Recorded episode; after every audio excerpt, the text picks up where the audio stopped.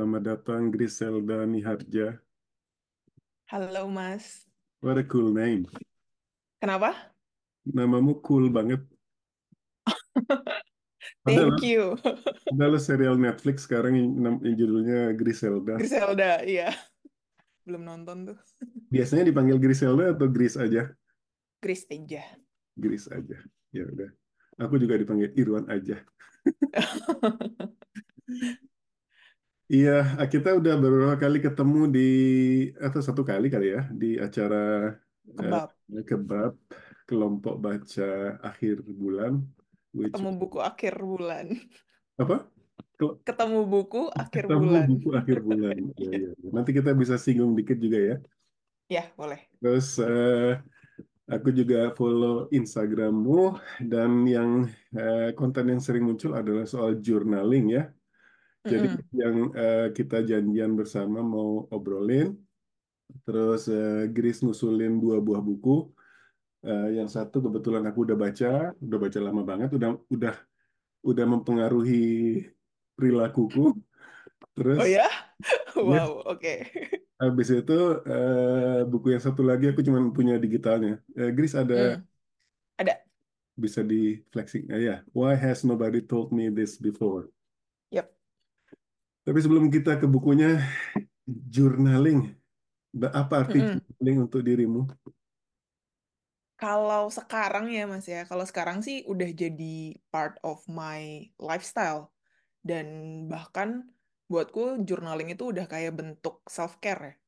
Jadi kalau misalnya dulu em, cuma nulis nulis-nulis tanpa intensi yang beneran jelas gitu ya. Cuma ah ya udah pengen nulis aja, pengen pengen nulis, pengen bikin diary. Tapi kalau sekarang udah lebih dari itu gitu. Setelah dicobain, terus aku ngerasain manfaatnya juga. Nah itu udah mulai menurutku ya itu udah jadi bagian dari rutinitas, udah jadi kayak gaya hidup juga gitu. Tapi pertama, ya waktu bilang nulis-nulis aja itu how early? Ap- Apakah Dari SMP SMP kayaknya. ya? yang yang aku inget ya Mas. Soalnya aku tuh memori masa kecil tuh sejujurnya apa ya udah nggak banyak yang tersisa gitu. Cuma kalau dari mama dari mama keluarga pada ngomong katanya dari kecil aku tuh emang suka alat tulis buku alat tulis. Jadi kalau dikasih pulpen udah pasti anteng kalem gitu. Terus yang aku inget sih SMP karena diary-nya masih ada. Jadi kalau beli majalah kan ada bonus diary gitu loh Mas. Yang kayak oh buat beli Desember buat tahun depannya nih ada diary. Nah aku tuh wah pasti kepengen beli majalah. Ada bonus diary-nya terus ditulis-tulis diary-nya kayak gitu. Terus ke toko buku ada diary-diary yang lucu-lucu kan zaman lagi kecil suka banget yang kayak gitu-gitu itu juga beli. Masih ada diary yang SMP walaupun pas dibaca uh pengen dibakar karena malu tapi kok sayang. Jadi dikunci aja di laci Jadi ada kuncinya, kan ada diary yang lucu-lucu yang ada kuncinya oh juga. ya ada yang ada gemboknya juga ada bener Walaupun eh, kadang-kadang di dunia laki-laki yang sok eh, maskulin, eh, menurut aku journaling atau keeping diary itu agak feminin gitu loh, bener? hmm, hmm. Bener-bener. Kalau misalnya aku ngeliat juga kayak gitu. Hmm. Yang jumlahnya lebih dominan cewek. Kalau cowok nggak itu ya, nggak maksudnya ya, ya mungkin em, belum terbiasa kali kalau aku kayak kalau aku ngelihatnya gini, eh, makanya disebutnya journaling kan, bukan diary. Kalau diary itu kesannya aktivitas yang eh, like a little girl gitu kan. eh eh, There is nothing wrong with that, tetapi mungkin eh, laki-laki yang insecure akan merasa gimana juga. Tetapi salah satu yang membuat aku melakukan ini bukan karena aku nggak suka dibilang feminin eh, seperti little girl, tapi eh, Ernest Hemingway, salah satu penulis besar yang ketika jadi kita kita ngomong ini nggak akan lepas dari buku lah, karena mm, juga journaling ini ada bagiannya ada ada ikatan erat atau kaitan erat dengan dunia bacaku juga. betul. Dan kayak Jean-Paul Sartre, eh, filosof terkenal itu, eh, dan eh, siapa namanya yang aku bilang tadi Hemingway, Ernest Hemingway itu keeping a journal. Jadi Mm, journal. Jadi dan Hemingway itu kan manly man banget. Jadi kalau mm. eh, cowok pengen identify seperti itu ya udah gitu loh. Gaji dia sebagai contoh. iya iya. Tapi eh, kemudian setelah merasa, pasti nemuin rasa nikmatnya kan ya. Hmm, Kita waktu kecil itu kan melakukan sesuatu tanpa eh, intellectual reasoning that this is good for this or for that, tapi kita melakukannya secara impulsif karena itu membuat kita senang gitu nggak? yap, betul, betul Mas. Ingat nggak apa yang momen-momen apa yang menyebabkan dan apa yang terjadi sesudah melakukannya gitu? Mas bisa diduga-duga nggak dengan Em, yang bisa aku share ya kalau kenapa kok jadi suka gitu. Dari em, mungkin awal sukanya mungkin gara-gara suka sama alat tulis dulu Mas, kalau aku. hmm, aku ya tuh suka banget sama pulpen, buku, kertas gitu suka banget. Nggak ada yang nggak ada yang nyuruh sih. Papa mama juga nggak nyuruh, nggak. Ini eh, jadi aku lagi kecil tuh nggak suka main boneka, masak-masakan gitu tuh aku nggak suka. Tapi kalau diajak ke toko buku, beli buku, beli pulpen, itu aku seneng banget gitu. Dari dari situnya sih, dari suka dengan bendanya itu. Dan zamanku kecil belum ada internet ya, jadi nggak tahu tuh influencer siapa lagi ngapain nggak tahu nggak ada. Zaman dulu kan belum ada ya. Jadi ya nggak tahu naturalnya bawaannya dari kalau dari aku pertama sukanya dari alat tulis dulu. Dari Hmm. alat tulis, eh, buku, kertas gitu-gitu aku suka. Terus em, aku suka kayak ngeliat bentuk tulisan tangan orang gitu. Jadi Hmm. mamaku suka mamaku tuh suka nulis-nulis gitu. Walaupun ya bukan bukan sampai diary atau jurnal ya, tapi adalah notes-notes yang mama tulis. Nah, itu aku suka baca. Terus kayak suka ngebandingin tulisan tangannya papa, mama, oma, opa gitu. Aku suka tuh ngeliat, ih kok bisa ya beda banget. Ini kok sampai susah dibaca ya tulisannya oma gitu. Pokoknya eh, aku suka ngeliatin tulisan tangan orang gitu. Jadi mungkin ketertarikan awalnya dari situ. Sebelum tahu, oh ternyata journaling tuh bisa manfaatnya ini, ini, ini, ini. Awalnya sih dari situ dulu sih, Mas. You should never see mine. Kenapa? Kalau yang lihat tulisanku terus pasti bilang, kok nggak jadi dokter sih? Eh, ya, eh, terus setelah mengalami sesuatu yang natural itu, eh, ingat nggak poin-poinnya ketika, oh, journaling is something dengan Hmm. maknanya seperti sekarang, seperti self-care dan Hmm. lain-lainnya. Pas, aku ingat pas lagi bullet journal lagi booming-boomingnya. Oh, Nah, ya. itu aku Hmm. eh, nyobain kan.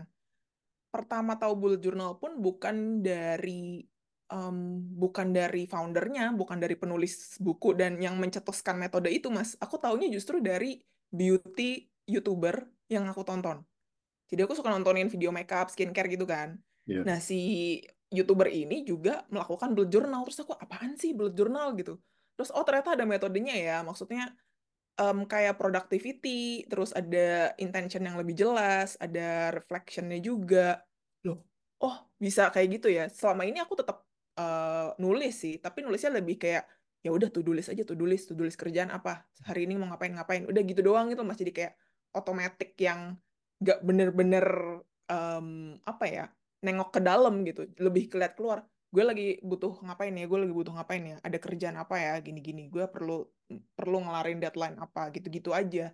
Tapi Hmm. pas ketemu bullet journal itu baru ya eh, ya titik-titik yang bikin aku makin makin oh ternyata bisa kayak gini ya, ternyata bisa kayak gitu ya. Terus mulai em, dari situ baca bukunya Ryder Carroll juga yang The Bullet Journal Method itu.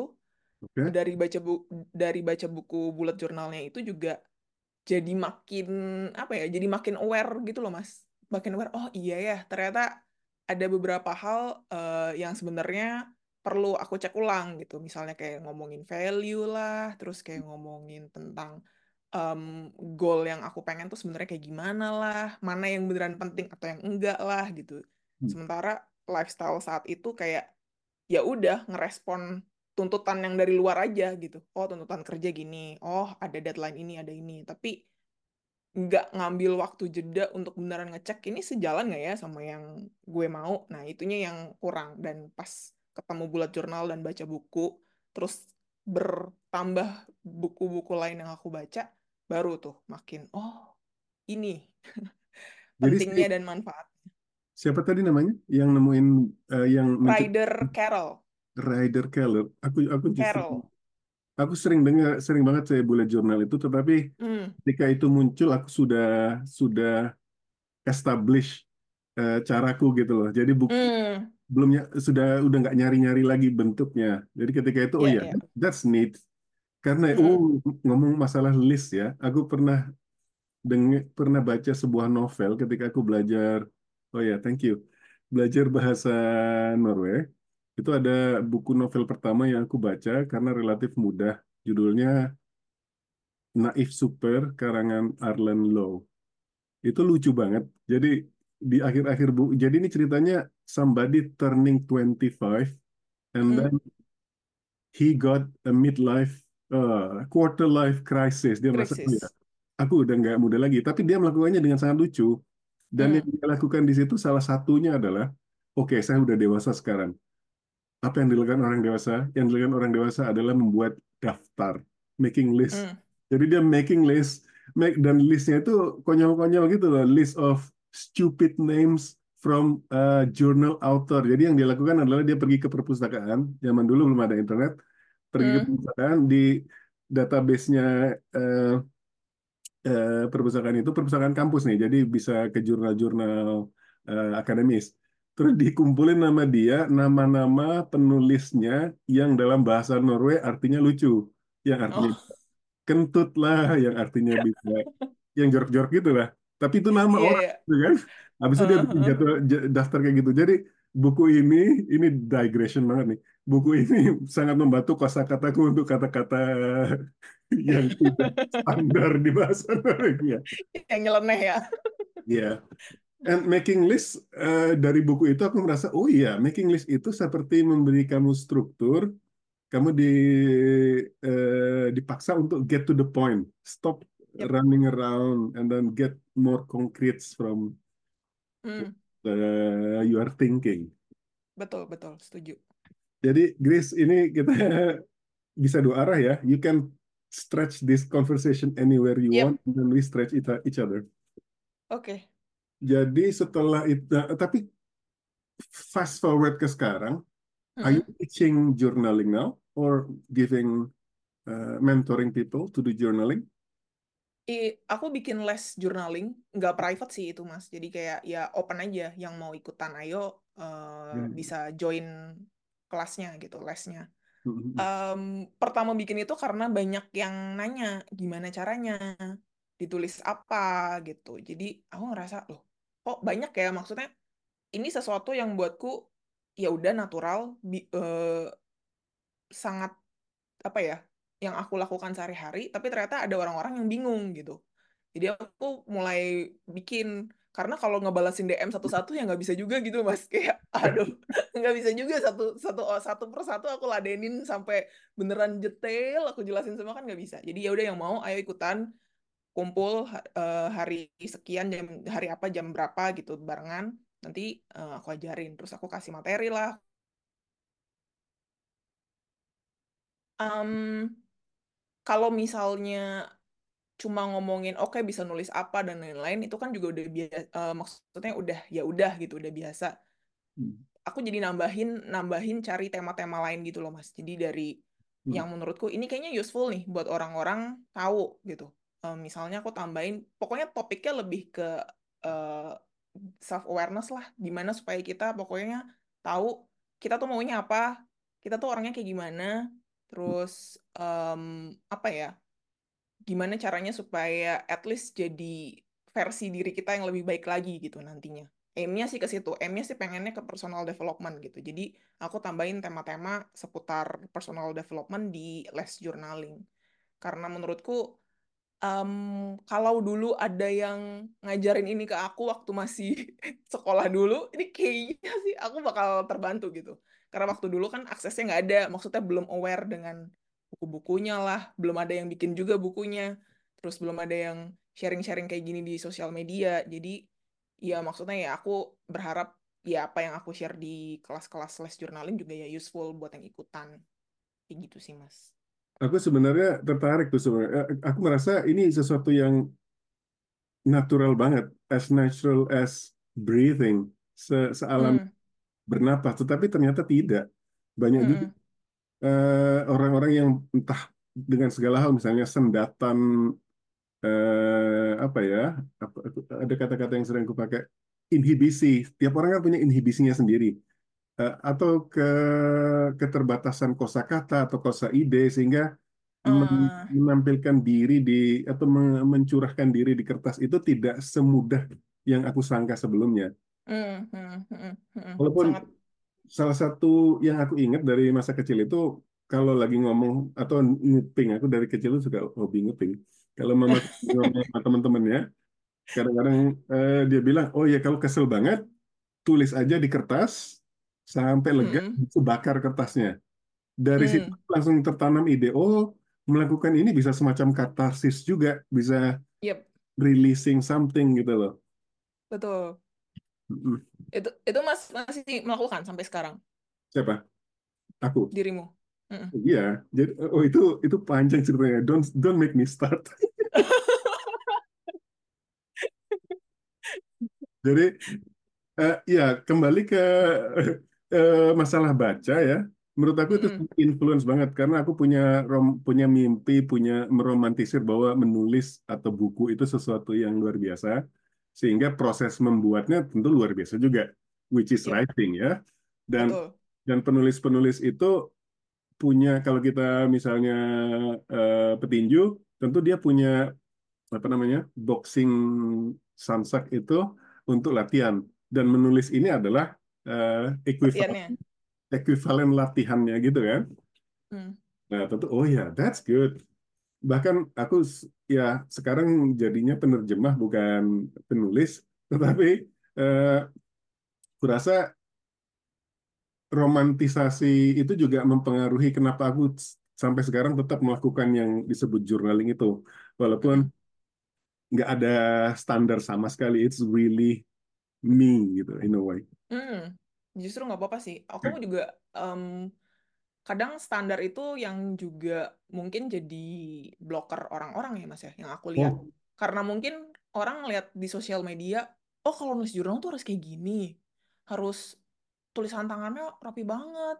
Oh tulisan tanganku jelek, jadi nggak mau ah gitu. Ada loh Mas, ada yang ngomong ke aku yang kayak, aku nggak pede Kak. Loh, yang penting kan kamu bisa baca tulisan tanganmu sendiri. Kan jurnalnya for your eyes only yes. maksudnya aku share di sosial media kan ya sekaligus buat emang eh, apa namanya buat naikin awareness orang-orang juga.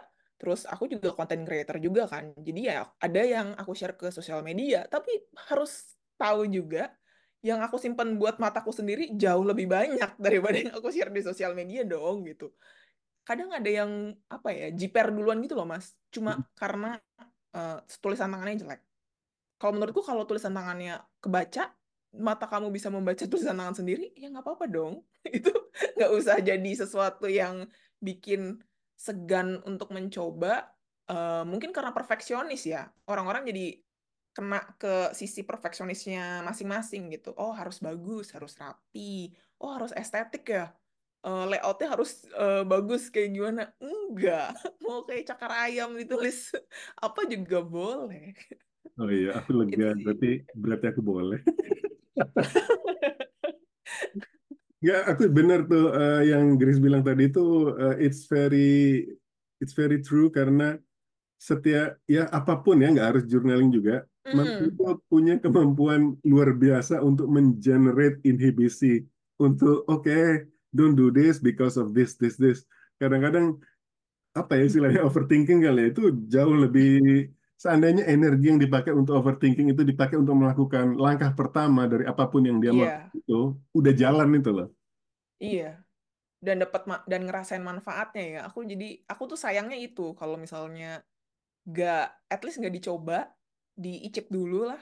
Eh, jadi nggak tahu gitu nanti bisa dapat manfaat apanya. Karena udah keburu keburu keburu nggak yakin untuk mengikuti standar-standar yang dilihat di sosial media. Itu yang disayangkan sih. Iya sih, itu sama juga kayak orang malas ke gym, malas ke tempat olahraga, karena merasa, oh semua orang di sini udah jago-jago. Kalau aku ke sana Iya. sendirian yang yang paling nggak bisa gitu kan. Jadi itu, Mm-mm. itu jadi penghalang juga. Tapi ya kalau dipikir-pikir ya penghalang itu kita ya aku bilang tadi kita kreatif banget untuk menciptakan penghalang buat diri kita dalam hal apa-apa Bener, bener-bener ada aja gitu ya, bener. aja. Dan kadang-kadang amazed juga lihat energi yang terpak kalau kalau bisa dihitung betapa betapa banyak energi yang terbuang karena itu itu must be a big number. Iya. But are you a self-help reader? Iya, iya mas, iya banget. Walaupun aku tahu image-nya self-help books di luar, ada yang uh, ada yang kayak ngapain baca buku self-help books gitu. Cuma aku ngerasa aku butuh gitu. Yes. Karena kalau bukan aku yang mencari tahu, siapa yang nolongin gitu. Jadi ya aku harus aktif cari tahu sendiri gitu. Kayak harus lihat apa ya gitu. Karena aku ngerasa emang um, kalau misalnya aku nggak nemu sumber-sumber langsung kayak misalnya orang langsung gitu ya, kayak yang bisa aku tanya, ya aku nanya ke siapa ya, aku carinya ke buku gitu. Apa buku self-help pertamamu? The Subtle Art of Not Giving a Fuck. Oh. itu, itu buku yang buatku life changing. Um, karena pada masa aku baca itu, itu buku yang bikin aku jadi suka baca non fiksi. Tadinya aku nggak suka mas, aku tuh sukanya baca fantasi gitu ya, distopia gitu-gitu. Nggak Distopia. Iya, dystopia novels yang adult gitu deh pokoknya. Aku uh, sangat-sangat into cerita-cerita yang kayak gitu dulu. Terus Hmm. pas baca bukunya Mark Manson yang itu, kok lucu. Maksudnya humornya tuh sarkasnya tuh masuk gitu, kayak satu frekuensi sama aku. Aku jadi ketawa-ketawa bacanya. Aduh, kayak agak-agak ketampar juga nih sama penulis ngomongnya ada beberapa hal yang kena tapi lucu gitu caranya. Oh ternyata non fiksi nggak semembosankan yang aku kira. Aku pikir tuh ya dulu ah buku non fiksi tuh terlalu ngawang-ngawang. Orang ngasih tahu teori-teori gini ya posisi dia udah enak pasti bisa gitu kan. Tapi pas mungkin uh, saat itu ketemunya bukunya yang nggak belum cocok aja kali ya. Giliran ketemu buku yang pas di momen yang pas, aku ngerasa loh non fiksi ternyata bisa sefun ini. Nah baru dari situ terbukalah ke buku-buku non fiksi lainnya. Aku jadi baca-bacain juga cari-cari tahu yang lain. Buku itu, sih yang pertama. Itu waktu, waktu ketemu buku uh, uh, self help pertama itu, kalau boleh tahu kisaran umur berapa? Apakah umur-umur ABG gitu atau udah? Enggak, enggak, enggak. Kayaknya hmm, udah di, di atas 25 malah mas kayaknya. oh ya udah udah udah dewasa lah ya.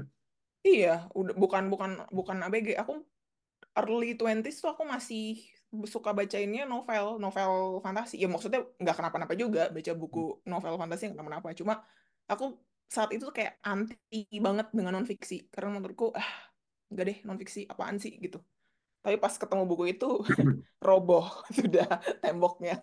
Terus aku jadi icip-icip non fiksi yang lain juga. Aku ngerti banget sih apa namanya label dari ya label yang diberikan kepada buku non fiksi dan itu not totally unjustified karena memang mm -mm. banyak banget yang sorry to say it's kind of crap.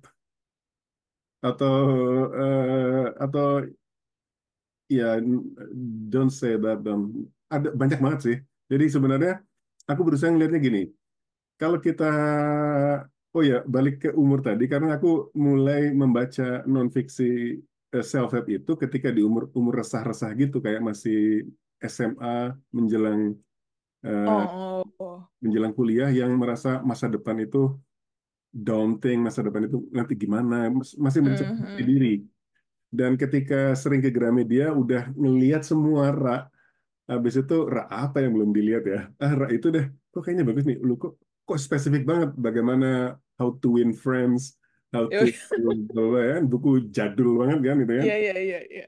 Terus uh, akhirnya oh kok asik. Terus sempat juga ke, kenal sama atau teman yang sama-sama suka baca tetapi ketika waktu itu dia ikut sebuah organisasi multi level marketing yang mm. intinya adalah apa namanya self development. Jadi bukunya mm. diubah dari kami tuh biasanya dia main ke rumahku terus kita ngobrolin buku-buku sastra Setelah dia Mm-mm. itu dia datang ke rumahku tuh dia ngobrolin buku-buku How to Win Friends Oh, yang kayak gitu kan.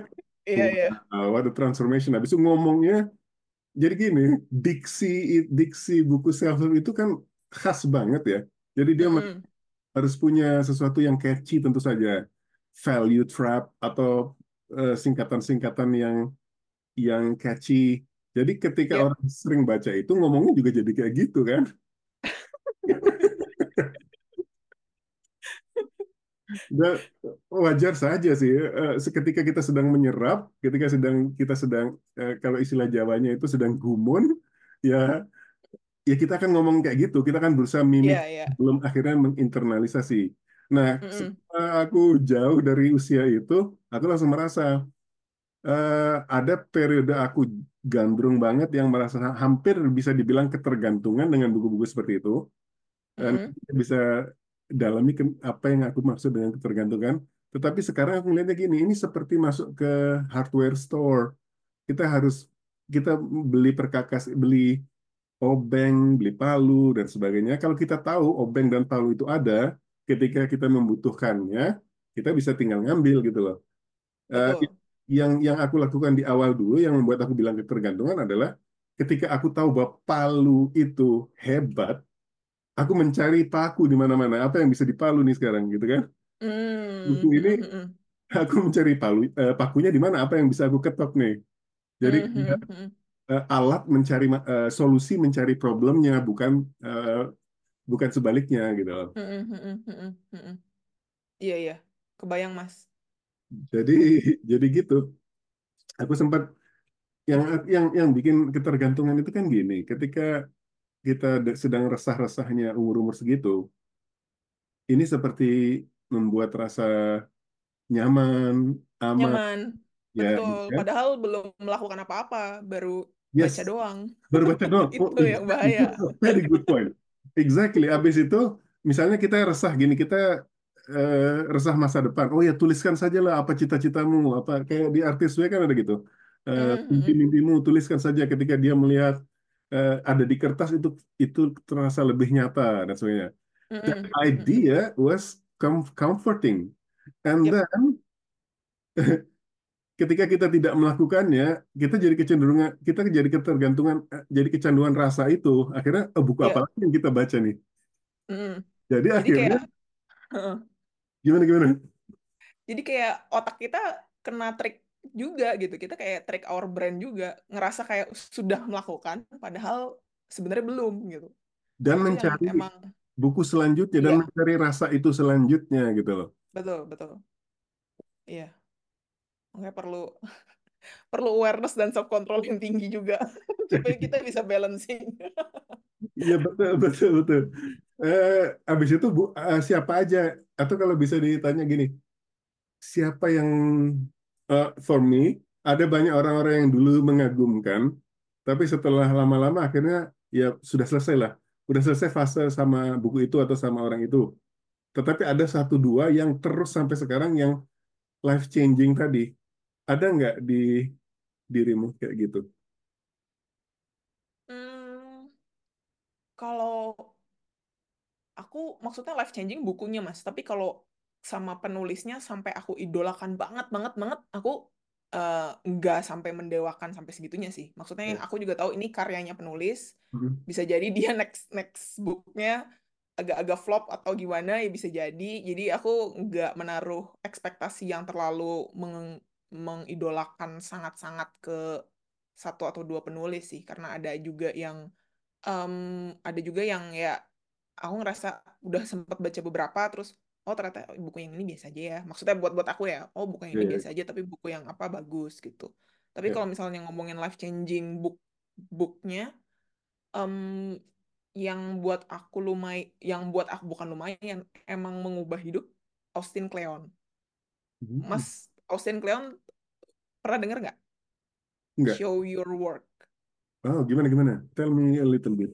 Dia dia itu bentar aku sambil share ke Show Your Work itu buku yang bikin aku berani buat share di sosial media. Do you want to share screen? Please do. oh, eh Aku belum pernah melakukannya, tapi lakukan saja. Mari kita coba. Coba ya, sebentar ya.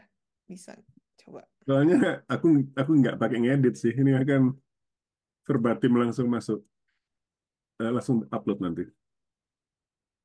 Aku Oh, di di itu dulu, Mas. Bisa nggak aku di allow buat share screen? mana ya? Share screen-nya diklik yang di bawah. Cie, ketahuan. Eh, advanced sharing option, multiple participant can share simultaneously. Iya, Coba. oke.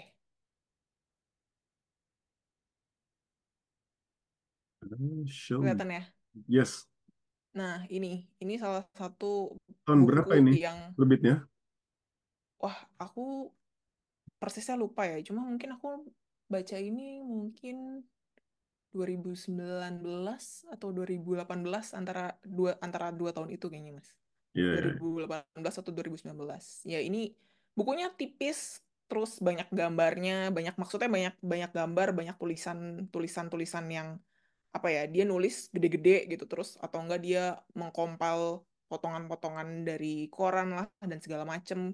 Terus dia taruh di bukunya gitu, foto-foto gitu dan gampang banget dibaca kayak eh, dia ngomongin 10 ways beneran kayak singkat kayak 10 cara gitu-gitu Mas. 10 cara buat eh, creativity buat kreativitas dan ditemukan orang. Jadi ini buku yang life changing karena bikin aku lebih berani share di sosial media. Jadi sebelum baca buku ini aku tuh share di Instagram tuh paling ya foto buku, terus judul buku. Tapi nggak ada apa ya, nggak ada opiniku di situ gitu. Karena aku ngerasa berusaha siapa juga siapa juga sih yang berusaha baca gitu kan. berusaha tidak personal sama sekali ya. Iya, kayak Hmm. siapa juga sih. Terus maksudnya siapa juga yang peduli gitu loh Mas dengan opiniku. Jadi aku ya udah cuma update buku em, cuma buat kayak dokumentasi pribadiku doang gitu. Teman-teman circle deketku yang suka baca juga nggak ada yang se sesuka baca buku sampai sekayak aku tuh nggak ada gitu. Jadi ya udah aku cuma itu kayak buat arsip pribadi deh gitu. Terus pas baca buku ini baru lebih berani tuh, lebih berani buat ah ya udah deh tulis lebih panjang captionnya. Diutarakan apa yang aku pikirin tentang abis baca buku apa, aku bikin review lebih panjang, re- eh, bikin review lebih panjang, terus jadi ketemu dengan teman-teman Instagramer yang lain gitu. Karena buku ini yang bikin aku jadi berani sharing, aku lihat-lihat cari-cari juga, terus ketemu eh, ya mungkin Mas Irwan tahu ketemu Uca, ketemu Ya, Cynthia, pokoknya ketemu eh, teman-teman dari Bookstagramer yang lain deh. ya. Ketemuan langsung, kopi darat lah, ada baca bareng di Tangerang waktu itu, terus ketemuan, kenalan, temenan, terus bikin book club-book club lagi gitu. Jadi ya buku ini yang buatku life changing karena itu. Jadi aku lebih lebih berani untuk sharing, dapat teman-teman baru, terus ketemu komunitas buku yang buat aku ya ini komunitas aku tuh di sini gitu. Ketemu sama teman-teman yang emang sama-sama suka baca, terus Hmm. sama-sama eh, apa ya bisa saling dengerin opini kita satu sama lain tentang satu buku atau buku-buku yang beda, saling rekomen buku, yang gitu-gitu sih. Jadi ya ini salah satu buku yang buat aku impact-nya begitu aku coba, oh langsung nih beneran berasa gitu. Ketemu Hmm. Komunitas terus dapat opportunity-opportunity lain. Itu yang yang judulnya menggoda banget itu yang Still Like an Artist. Iya, Udah baca juga? udah tiga-tiganya ini aku udah baca semua, Mas. Oke. Tiga-tiga udah baca. Ini ini yang Still Like an Artist itu yang pertama. Hmm. Jadi ya dia Pesan, modif sih. pesan utamanya dia apa, Grace? Em, kalau misalnya ada suatu suatu yang sesuatu yang menginspirasi ya di maksudnya ya di, di- bisa diambil gitu. Bisa diambil tapi ya harus dimodif sesuai dengan style kita masing-masing. Jadi ya Hmm. basically dia ngasih beberapa contohnya gitu. Kita nggak mungkin bisa juga sih tiru ketiplek apa yang orang lain bikin. Tapi ya dia ngasih step-stepnya kayak ini loh yang bisa dicobain apa aja gitu. Terus Hmm. keep going juga kalau buat yang udah kayak agak-agak burn out gitu ya. Kayak aduh udah capek nih misalnya melakukan apa. Terus eh, apa ya rutinitasnya udah mulai terasa membosankan atau udah mulai capek. Nah, dia terus dia bikin juga buku Keep Going. Jadi tiga ini oke sih, cuma buat aku yang impactnya paling gede yang kuning, yang Show Your Work ini. Jadi membuka diri itu ya uh, pesan Mm-mm. utamanya kali ya. Yep. Karena itu juga sih yang aku aku suka banget baca bukan kisah sih interview-interview dengan penulis di Mm-mm. di jurnal yang namanya Paris Review. Tapi aku nggak baca jurnalnya sih. Aku lebih baca itu soalnya interviewnya dikumpulin. Aku udah Oke. ngomong ini di episode-episode sebelumnya sih. Terus uh, dikumpulin, jadi isinya interview dengan penulis itu sebenarnya kayak podcast sih sebenarnya, cuman waktu itu Mm-mm. podcast. Jadi diredaksi, dibuat rapiin gitu kan. Terus setiap uh, interview itu ada satu halaman yang nunjukin kertas draftnya dia, draftnya penulis itu. Jadi kita Oh. you should see it because you will see oh your favorite author tulisannya kayak apa gitu. Oh. Aku akan kirim linknya nanti ya. Iya, oke, boleh, Mas. Terus eh, itu salah satu yang membuat aku mikir, oh this is a good thing to do. And eh, Hmm. lihat Orhan Pamuk itu cakaraya, eh, bukan cakaraya, jadi Orhan Pamuk itu padat banget, jadi kayak bukunya, kayak buku dia, Hmm. eh, tulisan, eh, dan kadang-kadang dia kan pengen jadi eh, pelukis juga sebelum eh, jadi penulis. Jadi dia suka gambar di pinggir-pinggirannya itu dicoret-coret. Oh. Oh. I can see, wow, oke. di satu halaman ini it's like medan perang yang menyenangkan. Ih, menarik. Mau, mau. Nanti mau lihat. Nah, jadi itu terus eh eh, ya, nah kembali ke kenapa aku nanya yang soal eh, buku self help tadi. Karena Mm-mm. menurut aku aku punya love, hate, and then settle down relationship dengan buku-buku itu. Eh, Kenapa tuh? Jadi love itu pertama, jadi ketika kita resah, kita merasa punya masalah, ketidakmenentuan, merasa ketidaknyamanan apa pun bentuknya, Mm-mm. bosan, depresi atau apa, depresi yang bukan klinikal ya. Yap. kita mencari obat dengan buku-buku seperti itu kan. Mm-mm. Tapi setelah masuk masa kecanduan obat seperti itu, ya udah itu satu hal. Ketika aku melihat transformasinya di teman-teman sesama pembaca sastra terus tiba-tiba dia berubah menjadi self-help reader yang militan itu juga tragedi. Eh, Kok bisa ya? Dia dulu ke sini bawa buku Khairil Anwar, bawa bukunya MH Ainun Najib, habis itu sekarang bawa bukunya Dale Carnegie. Nggak ada yang salah di situ ya, tetapi kenapa nggak dua-duanya gitu? eh, Habis itu aku aku menyadari gini, oh yang aku baca selama ini itu menyelesaikan masalah. Terus apa? Aku mengandek terpikir gini, kalau masalahnya sudah selesai, terus kamu ngapain? Apa yang mau kamu isi dengan hidup yang sudah damai itu? Ketika hidup mm. sudah nyaman, tidak ada gangguan-gangguan tadi, diisi apa? Nah, di Mm-mm. situ aku ketemu, eh, aku nggak baca bukunya, tapi aku ketemu podcastnya Tim Ferriss, mungkin pernah dengar. Mm-mm. Nah, Tim Ferriss kan attitude-nya dia tentang buku-buku self kan jelas banget. Those are, I don't want to be apa, mambo jumbo apa istilahnya dia itu self-helpy. Eh, jadi dia dia selalu eh, sebagai reaksi atas itu dia selalu me- membuat eksperimen yang menjadi basis ketika dia dia penulis buku self-help tentu saja. Jadi eh, eh, mungkin ironinya ada di situ. Dia Mas tadi nge-freeze deh. oh ya, hilangnya di mana? Yang dari tim Ferris. Oh ya, Kenapa yang tim Ferris? Jadi Tim Ferriss itu eh, seorang penulis buku self-help yang punya attitude terhadap self-help. Jadi dia berusaha melawan arus dengan eh, selalu mendasari apa yang dia tulis itu dengan sesuatu yang real. Jadi dia pernah melakukan Mm. eksperimen. Kalau dia bilang, kamu harus belajar dengan cara begini, begini, begini. Dipraktekkan sama dia dengan belajar yang ada resikonya. Jadi dia, ini salah satu contohnya, dia eh, mem- untuk mempraktekkan teori belajar yang cepat, bagaimana breaking down dengan prinsip do the 20% to get the 80% atau pair to eh, principle gitu. loh. Hmm, hmm, Jadi kalau kita melihat sebuah hal X gitu ya, ketika kita ingin menguasainya, kita kita punya dua pilihan. Yang pertama, kita lakukan aja seperti yang sudah tradisional, kita pelajari dari A sampai Z yang sering kali memakan waktu lama. Tetapi kalau kita mau ngehack ini, mau kita cut, dia kan penulis buku Four Hour Work Week, bagaimana caranya meng Yep.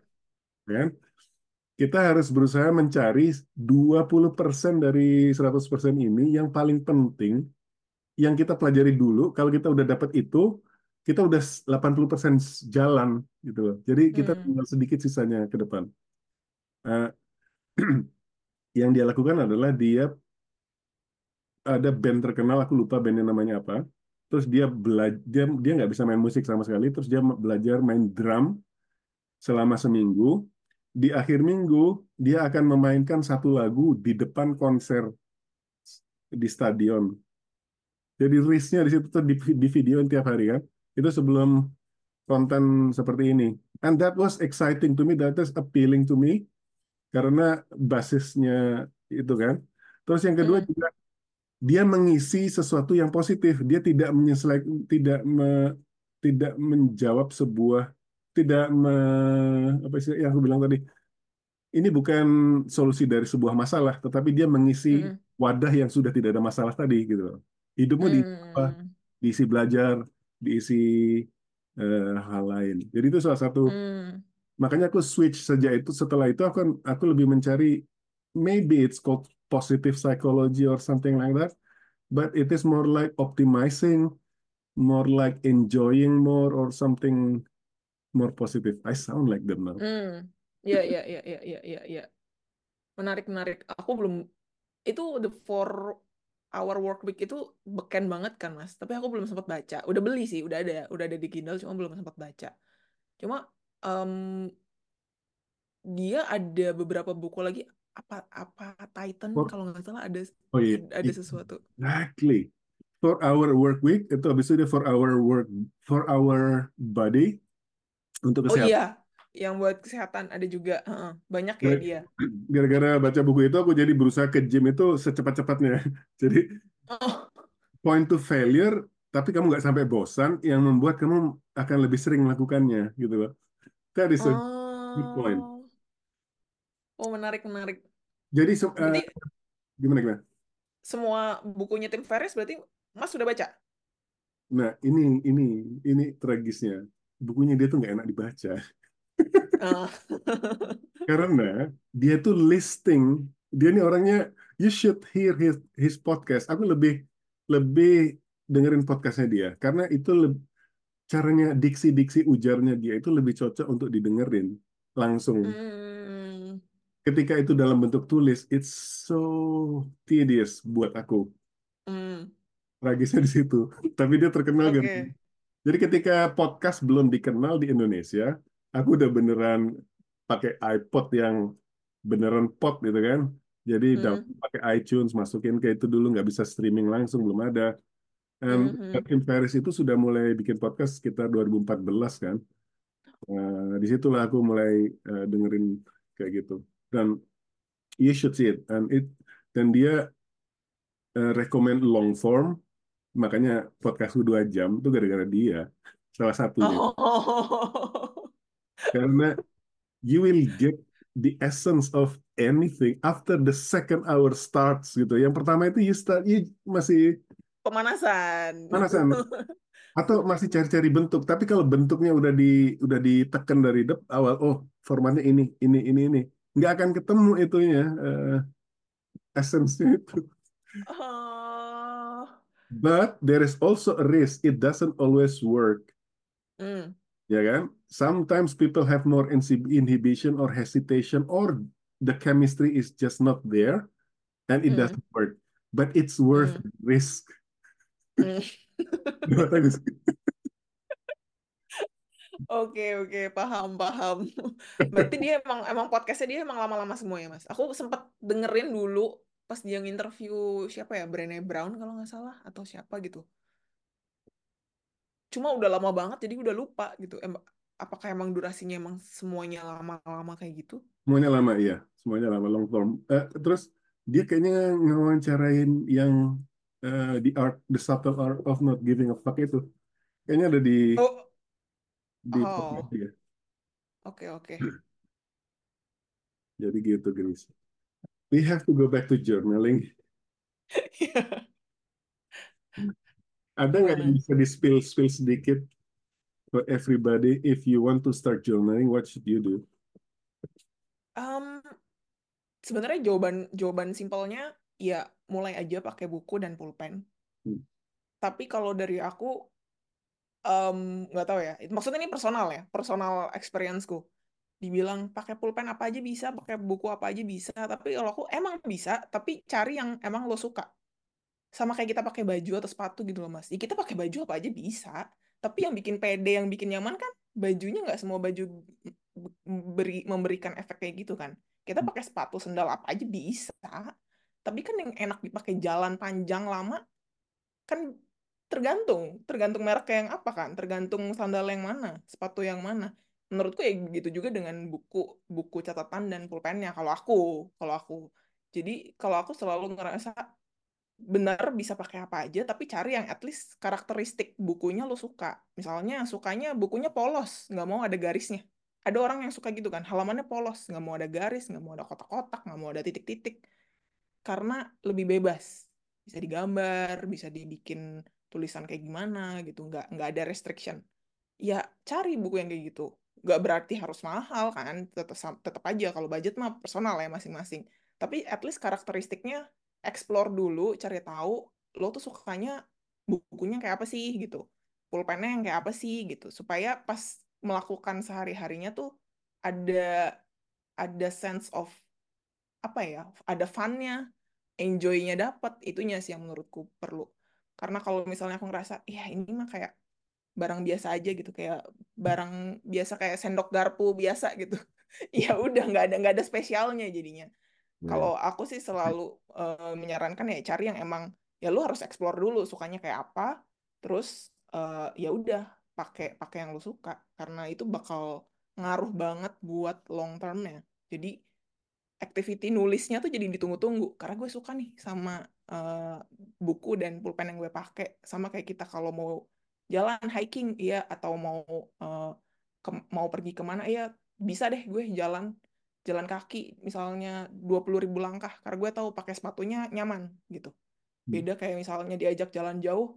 Aduh nggak bisa deh gue males. Soalnya gue nggak bawa sepatunya. Pakainya sendal yang ini nggak enak gitu kan. Maksudnya ada restriction yang sebenarnya bisa diatasi kalau dari awal udah udah tahu nih mana yang enak mana yang bisa atau enggak gitu mas. Dari aku sih yang simpelnya kayak gitu dulu. Terus kalau misalnya apa yang ditulis?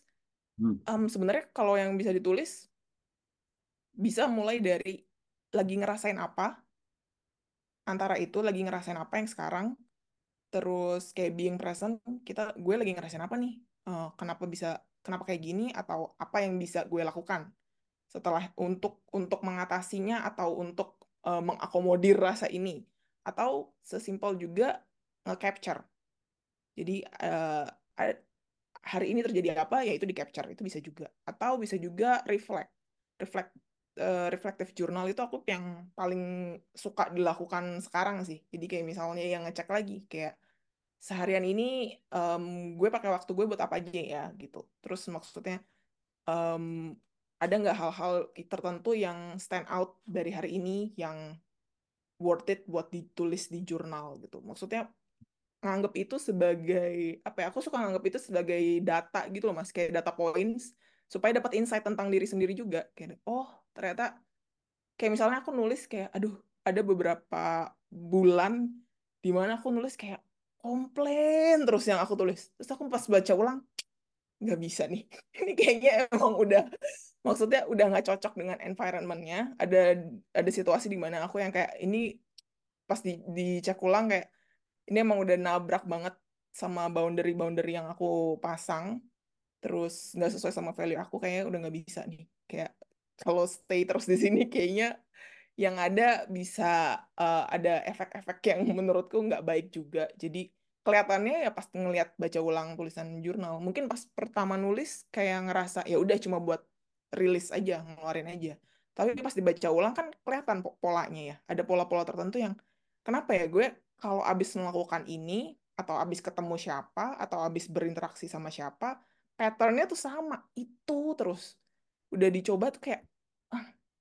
terus pas dibaca ulang aneh. Ini maksudnya ada sesuatu yang ya antara kalau bisa aku ubah aku ubah, tapi kalau nggak bisa aku ubah di luar kontrolku ya ya udah gitu. Mau gimana? Ya aku maksudnya harus ngambil hard decision juga di situasi yang kayak gitu. Nah itu kebantunya pas jurnal dan ngeliat ulang gitu sih mas pas uh, looking back.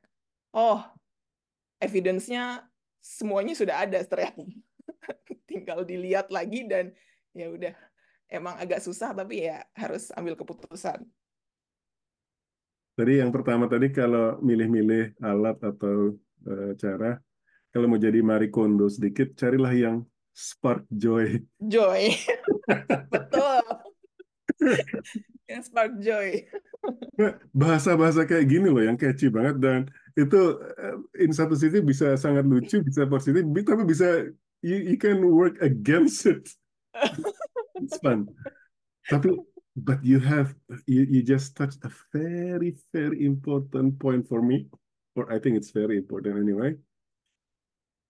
Menulis jurnal itu itu cuma separuh dari kenikmatannya. Kenikmatan yang bisa membuat semakin mencandu adalah ketika kita membaca ulang. Jadi ini mm -hmm. balik lagi ke podcastnya Tim Ferris.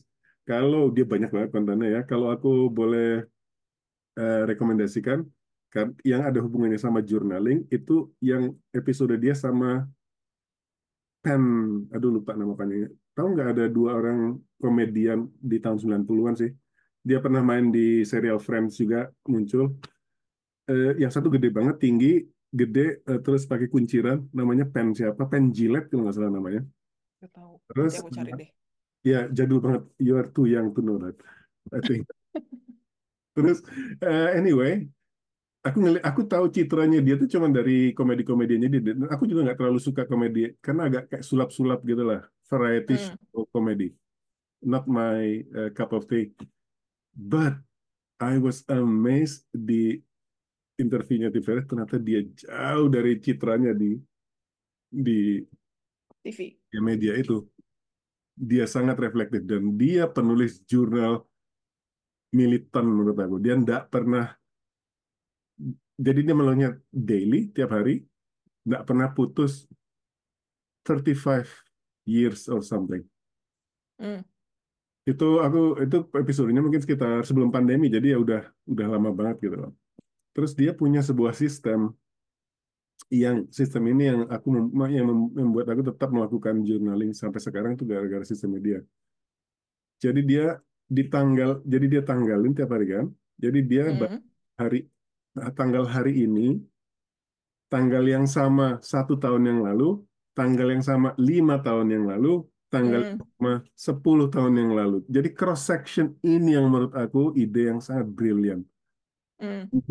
If you if you read the the last few days or few weeks or few months, you will just get a small perspective. But if you cross across the time, that would be interesting. Aku bahkan aku setelah melakukan itu ya kadang-kadang nemu uh, aku sick leave, aku uh, kena flu di hari yang sama, di, di tanggal yang sama gitu, dua dua tahun berturut-turut. Wow.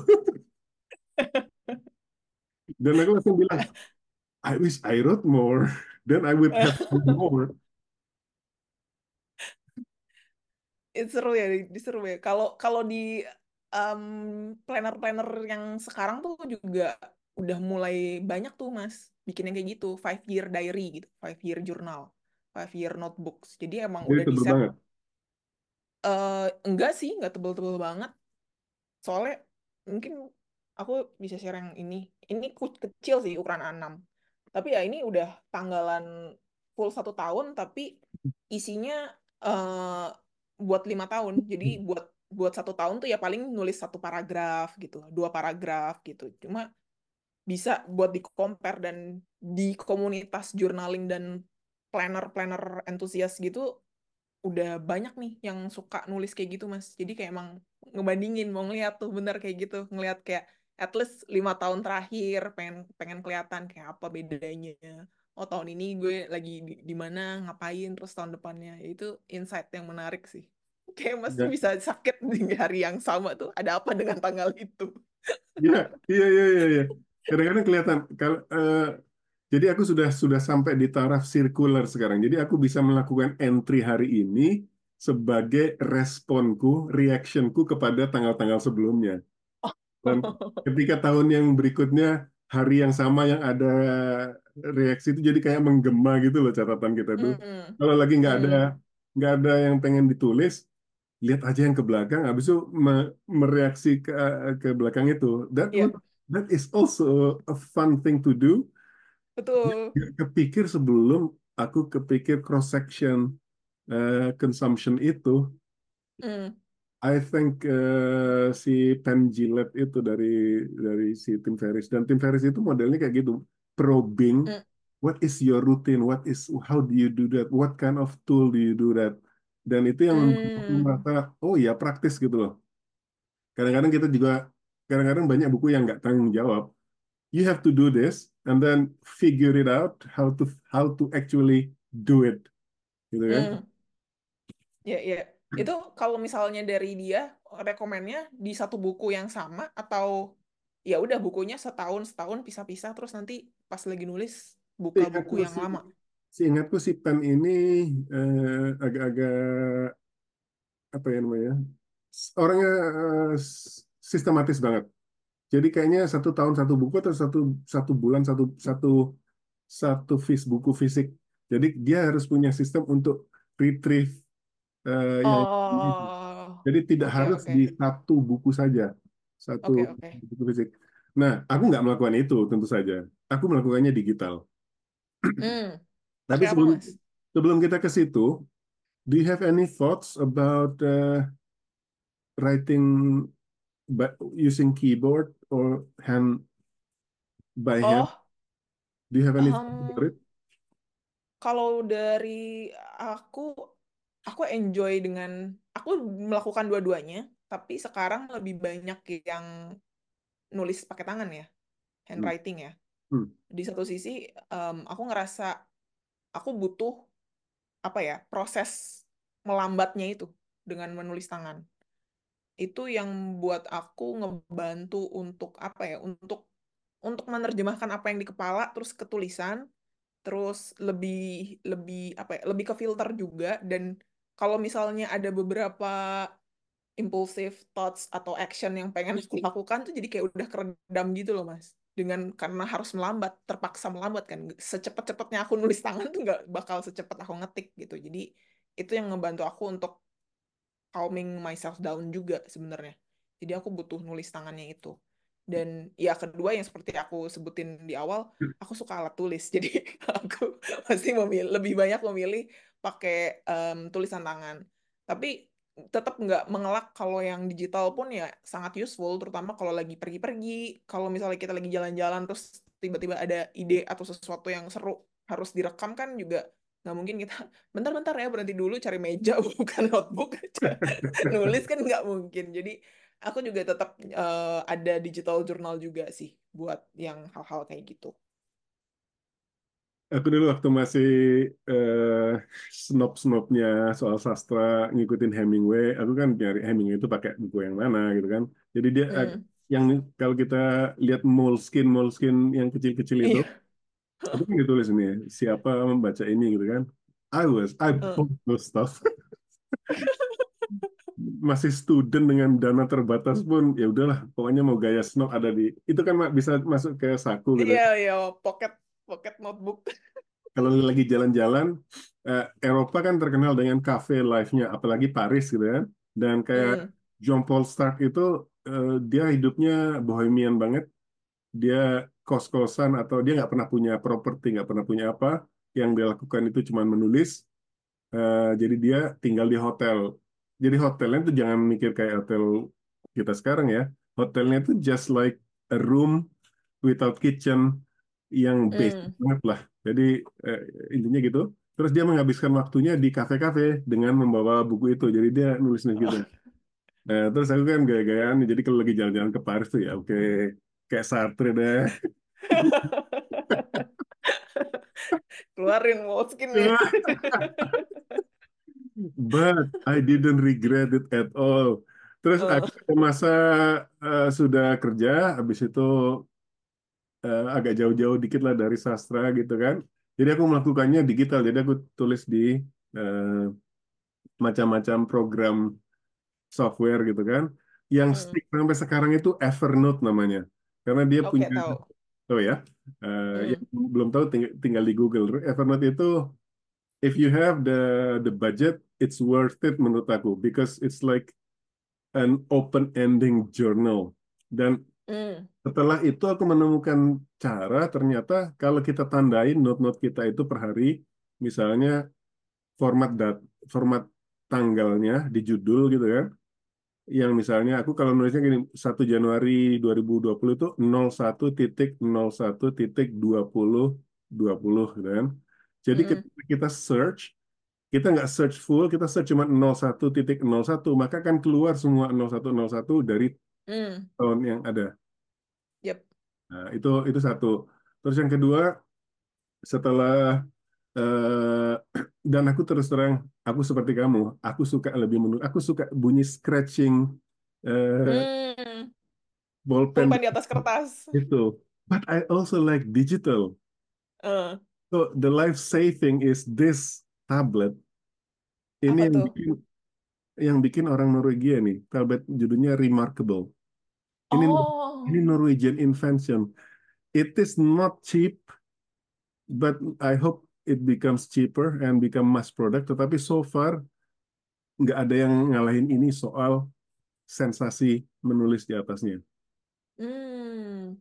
Jadi yang aku lakukan adalah jadi ya, bentuknya PDF, eh, outputnya PDF. Ketika dia selesai, dia bisa diintegrasikan, bisa dikirim ke eh, Evernote. Evernote.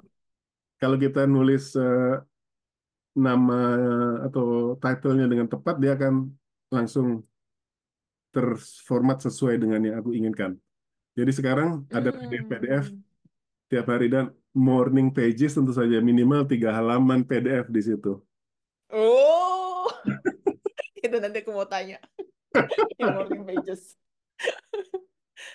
Oh, iya iya menarik menarik. Kalau aku yang digital itu pakai Day One, Mas. Pernah dengar nggak? Day One Enggak, app. enggak. Itu Dia- aplikasi Day One. Mhm. Aplikasi emang buat journaling. Kalau Evernote kan bisa macam-macam ya. Iya, Day One Hmm. juga bisa dipakai macam-macam sih. Hmm. Cuma aku sukanya karena dia tuh kayak Instagram story kalau kita lagi buka archive kan diingetin ini tahun lalu ada terjadi apa kayak Facebook, Instagram gitu. Nah di Day One juga gitu. Jadi misalnya aku buka pas lagi ada yang aku tulis dari beberapa tahun yang lalu dia ngasih udah otomatis gitu. Eh ini lu nulis ini dua tahun yang lalu. Jadi maksudnya nggak perlu aku search dia udah langsung nunjukin gitu di Hmm. hari itu. Jadi aku eh, suka dan dia bisa aku bisa bikin kategori-kategori juga. Misalnya oh ini mau bikin kategori jurnal tentang eh, folder buat khusus buat apa atau apa. Nah itu juga bisa. Jadi ya kalau aku pakai Day One sih. Iya, iya, iya. Oh iya, terus yang lama-lama Moleskine itu jadi ketemu sekarang kan makin mudah dengan dengan HP aja bisa nyekan apa pun. And I start Mm-mm. I start scanning all those snob snobbish eh, Moleskine journal. Jadi and it's really fun ketika tahun 2000 awal-awal gitu yang ketika aku udah lama banget sih melakukan ini kan. Twen- 20 years apart from you are now, you are seeing a totally different person. Iya, iya, iya. Pasti. Pasti, pasti. My God, kamu kok resah masalah itu sih? Come on. Iya, gue kayak gini.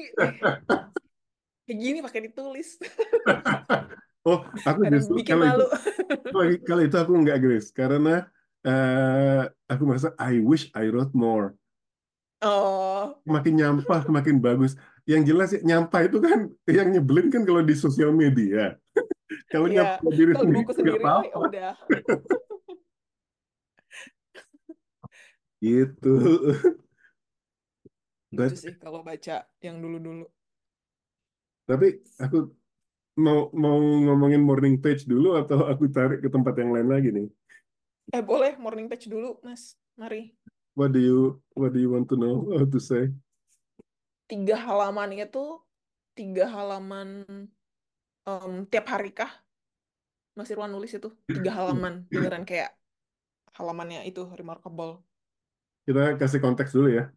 Jadi Mm, buku ini, eh, Artist Way, ini eh, basicnya atau premis utamanya adalah kreatif blog yang bagaimana caranya menemukan apa namanya inner artist kita. inner artist kita. Well, I was I was so snobby when I read this. Dan dan dia memang dia memang kelihatan banget dia artis gitu loh. Jadi yang dia Ya, ya. utamanya adalah kita berusaha eh, kalau kita kreatif blocking atau kita belum menemukan siapa jati diri artis kita, dia eh, si Julia Cameron ini menyarankan banyak eh, tips-tips untuk menemukan itu.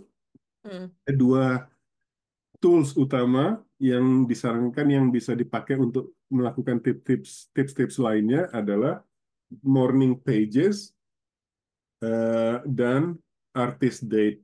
date. Mm, Morning pages ini kalau menurut resepnya dia adalah minimal tiga halaman tiap hari tulis apa pun. Kalau lagi nggak ada ide tulis aja saya lagi nulis morning pages 100 kali sampai tiga halaman itu nggak apa-apa. Lebih baik melakukan itu daripada tidak melakukannya, eh, gitu kan? Kayak dihukum, but itu tapi itu benar. Aku melakukan ini, aku melihat eh, analoginya ke musik. Kalau kita lagi males saat belajar instrumen, musikal instrumen, kita lagi males, ada phrase yang kita bisa balonku ada lima itu kan. Itu mm, aja sampai bosen tapi jangan berhenti. Ketika kreatif juice-nya udah jalan, baru kita terinspirasi untuk melakukan hal yang lain. But you have to mm, start somewhere. Dan aku melihat mm, morning pages itu seperti itu. mm, Nah, jadi aku melakukannya dulu di Moleskine dan kalau Moleskine kan Moleskine kecil ya. Aku nggak membatasi three page. Three page itu minimal, but I will stop when I stop. But I will not stop before three pages at least mm, mm, di hari-hari yang eh, tidak menyenangkan. Tetapi dengan ada Remarkable ini, page-nya kayak page buku yang decent gitu kan. And I will do Eh, at least three pages. Terus di sini kadang-kadang pentingnya prompting yang sering ada di disiplin journaling itu kan. Kadang-kadang gratitude, what em, hari ini bersyukurnya tentang apa gitu kan. Atau hari ini eh, seperti apa yang meresahkan. Aku sampai sekarang udah nggak akan kesulitan untuk mengisinya sih. Karena itu udah mm. udah jalan, udah Udah terbiasa. udah terbiasa banget gitu loh. Mm, Dan mm. yang oh ya, yang bisa yang bisa menggagalkannya adalah distraksi tentu saja. And then you start Betul. di halaman mau ngecek Instagram atau ada ini ada chat. Facebook gitu kan. Mm, Nah, di sinilah toolbox-nya setelah baca buku self-help macam-macam gitu kan. Ada yang namanya kalau di mungkin dipakai juga di dunia software di duniaku time boxing namanya. You do it, set a timer, don't do any fucking thing until the timer goes off. Stick to it. Jadi kasih lima menit gitu kan. Lima menit tuh dapat mm, berapa? Gitu kan. mm. Aku lagi nggak punya ide. Kalau lagi kalau kepikir kayak gitu ya tulis aja. Aku lagi nggak punya ide. Nggak punya ide. Nggak punya ide. Pokoknya make sure you do it. Habis itu alarmnya goes off, eh, ulang lagi. Oh belum belum tiga halaman, lima menit lagi. And then you get amazed. Actually three pages is not that doesn't take that long. Mm. Jadi gitu, Chris.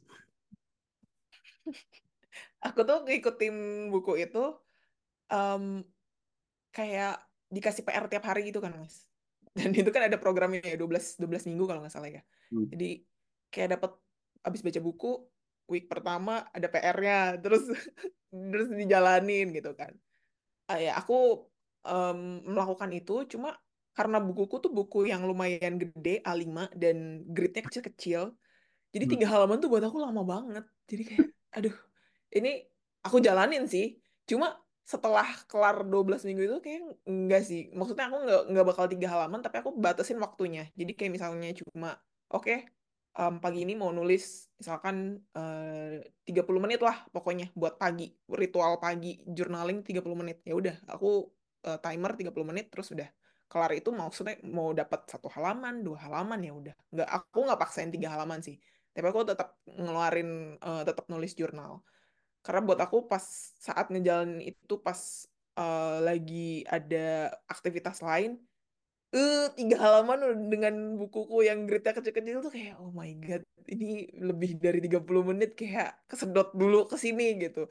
Dari situnya yang aku mm, aku nggak ngikutin tiga halamannya sih. Tapi menulisnya jadi aku patokannya pakai timernya aja pakai timer. Misalkan oke aku mau 30 menit eh, oke hari ini cuma bisa 20 menit itu sih. Cuma menurutku yang penting yang bener juga kata Mas Irwan distractionnya itu sih. Distractionnya itu sangat-sangat kalau misalnya nulisnya sambil ngintip-ngintip handphone itu yang jadinya nggak kelar-kelar juga. Jadi menurutku penting buat em, dia juga ngasih tahu kan kalau bisa morning pages dilakukan first thing in the morning. Jadi beneran belum ngapa-ngapain belum buka HP ya paling HP kalau alarm alarmnya pakai HP ya pegang HP tapi habis itu ya udah langsung coba tulisin dulu apa adanya. Efeknya buat Mas Irwan apa aja nih si oh morning banyak, pages ini. Oh, banyak. Tapi mungkin kamu nggak bisa cepet karena kamu pengen tetap rapi ya. Em, enggak juga sih Mas. Karena mungkin aku ngerasanya kayak gridnya tuh dari halaman atas sampai bawah banyak gitu. Hmm. oh maksudnya rapi dalam arti satu Tulisannya, satu baris itu emang buat satu kalimat. Jadi aku bukan tulisan yang gede-gede langsung jadi makan banyak gitu.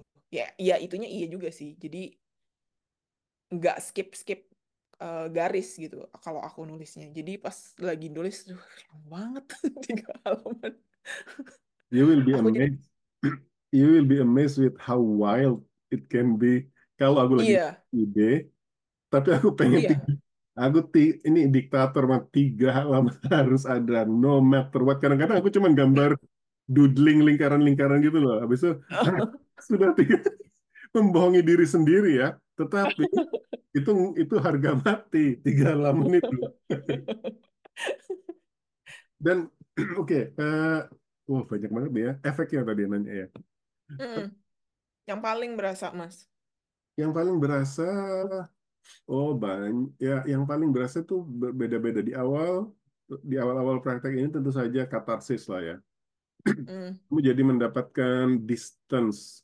Kayaknya di buku eh, Why Not Somebody Told Me This Before itu kan dibilang menuliskan itu membuat di, membuat jarak antara apa yang betul kita resahkan. Jadi eh, ketika dan juga ketika ketika ide atau ketika keresahan atau apa pun itu ada di dalam pikiran kita kan terasa tidak terstruktur kan, Mm. terasa kacau banget, terasa nggak kelihatan eh, ujung pangkalnya. Wah itu frase Indonesia yang bagus banget ujung pangkalnya. There is no English word for that. Eh, ketika dia dituliskan se- sebelum dia selesai dituliskan itu proses untuk mentransformasi itu saja sudah membuat menstrukturisasi dia kan. Jadi kita mau Mm. oh ya kita dipaksa ngelihatnya minimal ngelihatnya satu-satu. Kalau kerasa ada 10 ide yang berkelit berkelindan, kalau kamu harus melakukannya misalnya dalam bentuk bullet journal, bullet journaling, kamu at least say thinking of it one at a time. Itu aja udah slow down yang seperti Grace bilang tadi kan. Ya. Itu satu. Mm. Habis itu ketika dia udah selesai, kita kita baca lagi, wah, yang kelihatannya seperti dunia mau runtuh itu ternyata cuma tiga halaman ya. Kadang-kadang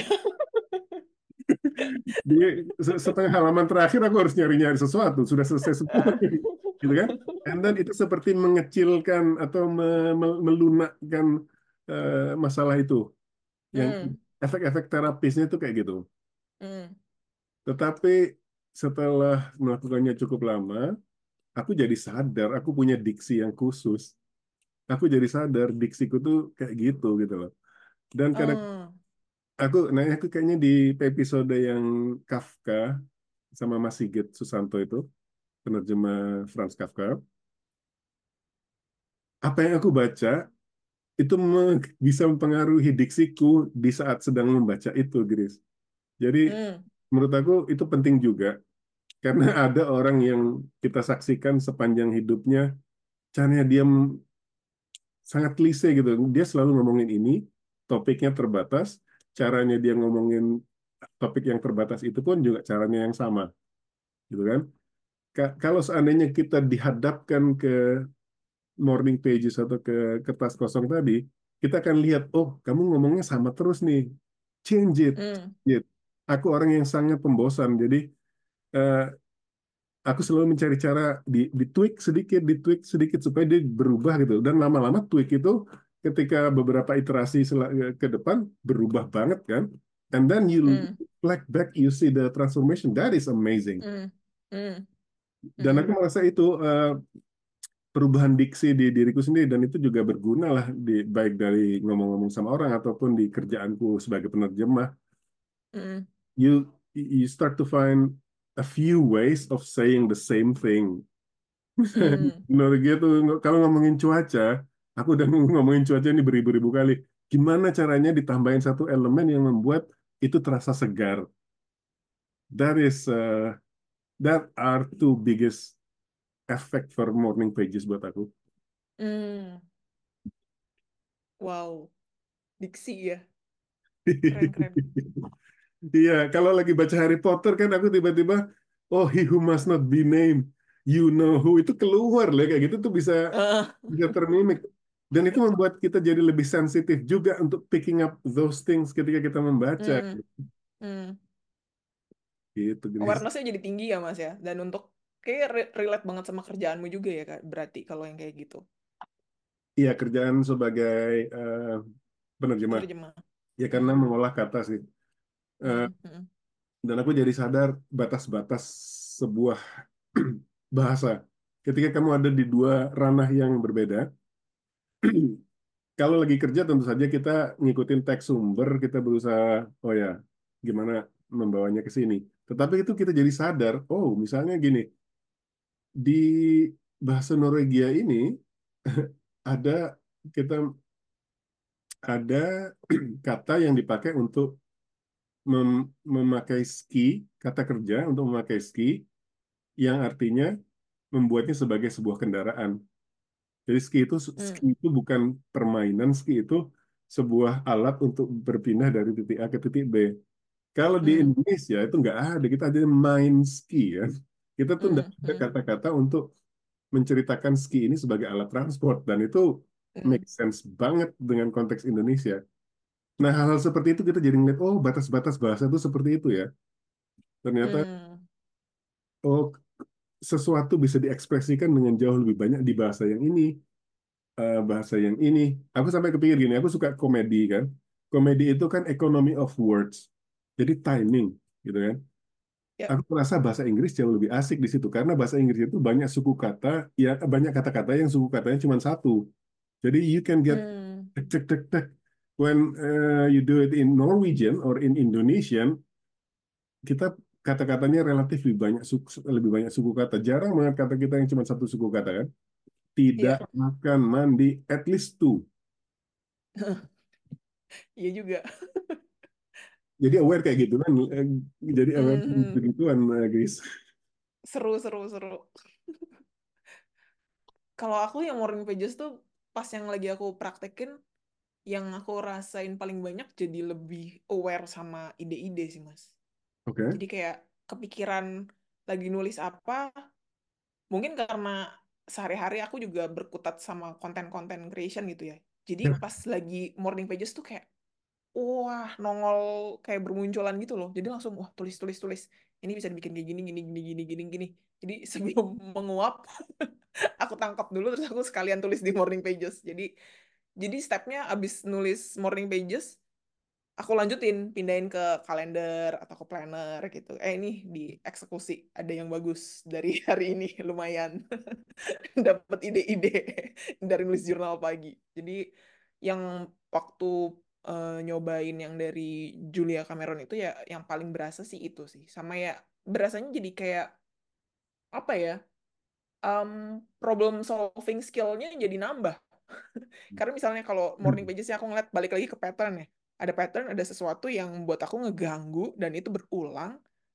kan bosan sendiri bacanya ya mas ya kayak lu ngapain tiap hari ngomongin ini gitu ya diapain kayak gitu nah jadi mau nggak mau aku jadi tertantang untuk ya oke ngapain nih ini nggak enak nih situasinya apa yang lu bisa kontrol apa yang lu bisa ubah gitu jadi kedua itu sih buat aku yang lumayan dominan ya ide-idenya jadi makin deras dan problem solving skillnya juga ikut terasa karena I'm bosen kalau ngebacain komplain terus tiap hari I'm still amazed, Grace.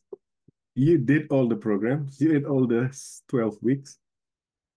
iya Wow. Tapi ada yang konyol-konyol juga mas. Jadi kayak misalkan dia kan sempat ngomong cari batu dipegang. Oh cari batu? Nggak ada batu di di lingkungan gue di di apartemen misalkan aku tinggal di apartemen kan. Nggak ada batu di apartemen. Cari batu di mana? Jadi kadang ada beberapa exercise dia yang buatku ini konyol sih tapi ya maksudnya ada beberapa yang nggak aku lakuin tapi maksudnya pas yang eh, buat nulis 12 minggunya itu aku tulis aku tetap jalanin. Tapi ada beberapa hal yang konyol-konyol tuh aku yang kayak enggak deh. Ini Ngerasa, ini terlalu terlalu terlalu aneh buat gue. Jadi ada ya beberapa yang aku skip juga. Ngerasa nggak ada transformasi setelah 12 minggu selesai itu? Before and after feeling. eh aku ngerasa jadi lebih tenang jadi em, sebelum sebelum dipaksa nulis tiga halaman itu Hmm. mungkin belum belum ngeluarin sebanyak itu gitu ya mas jadi pas dipaksa ayo coba tiga halaman tiga halaman Hmm. eh dicoba dikeluarin aja keluar semua terus aku ngerasa aku jadi jadi lebih tenang aja sih pas lagi itu transformasinya. Dari yang awal pas pertama mulai terus yang terakhir lebih tenang terus ya ba- jadi apa ya lebih lebih ngerti diri sendiri pas lagi nulis itu. Karena kayak kebuka semua.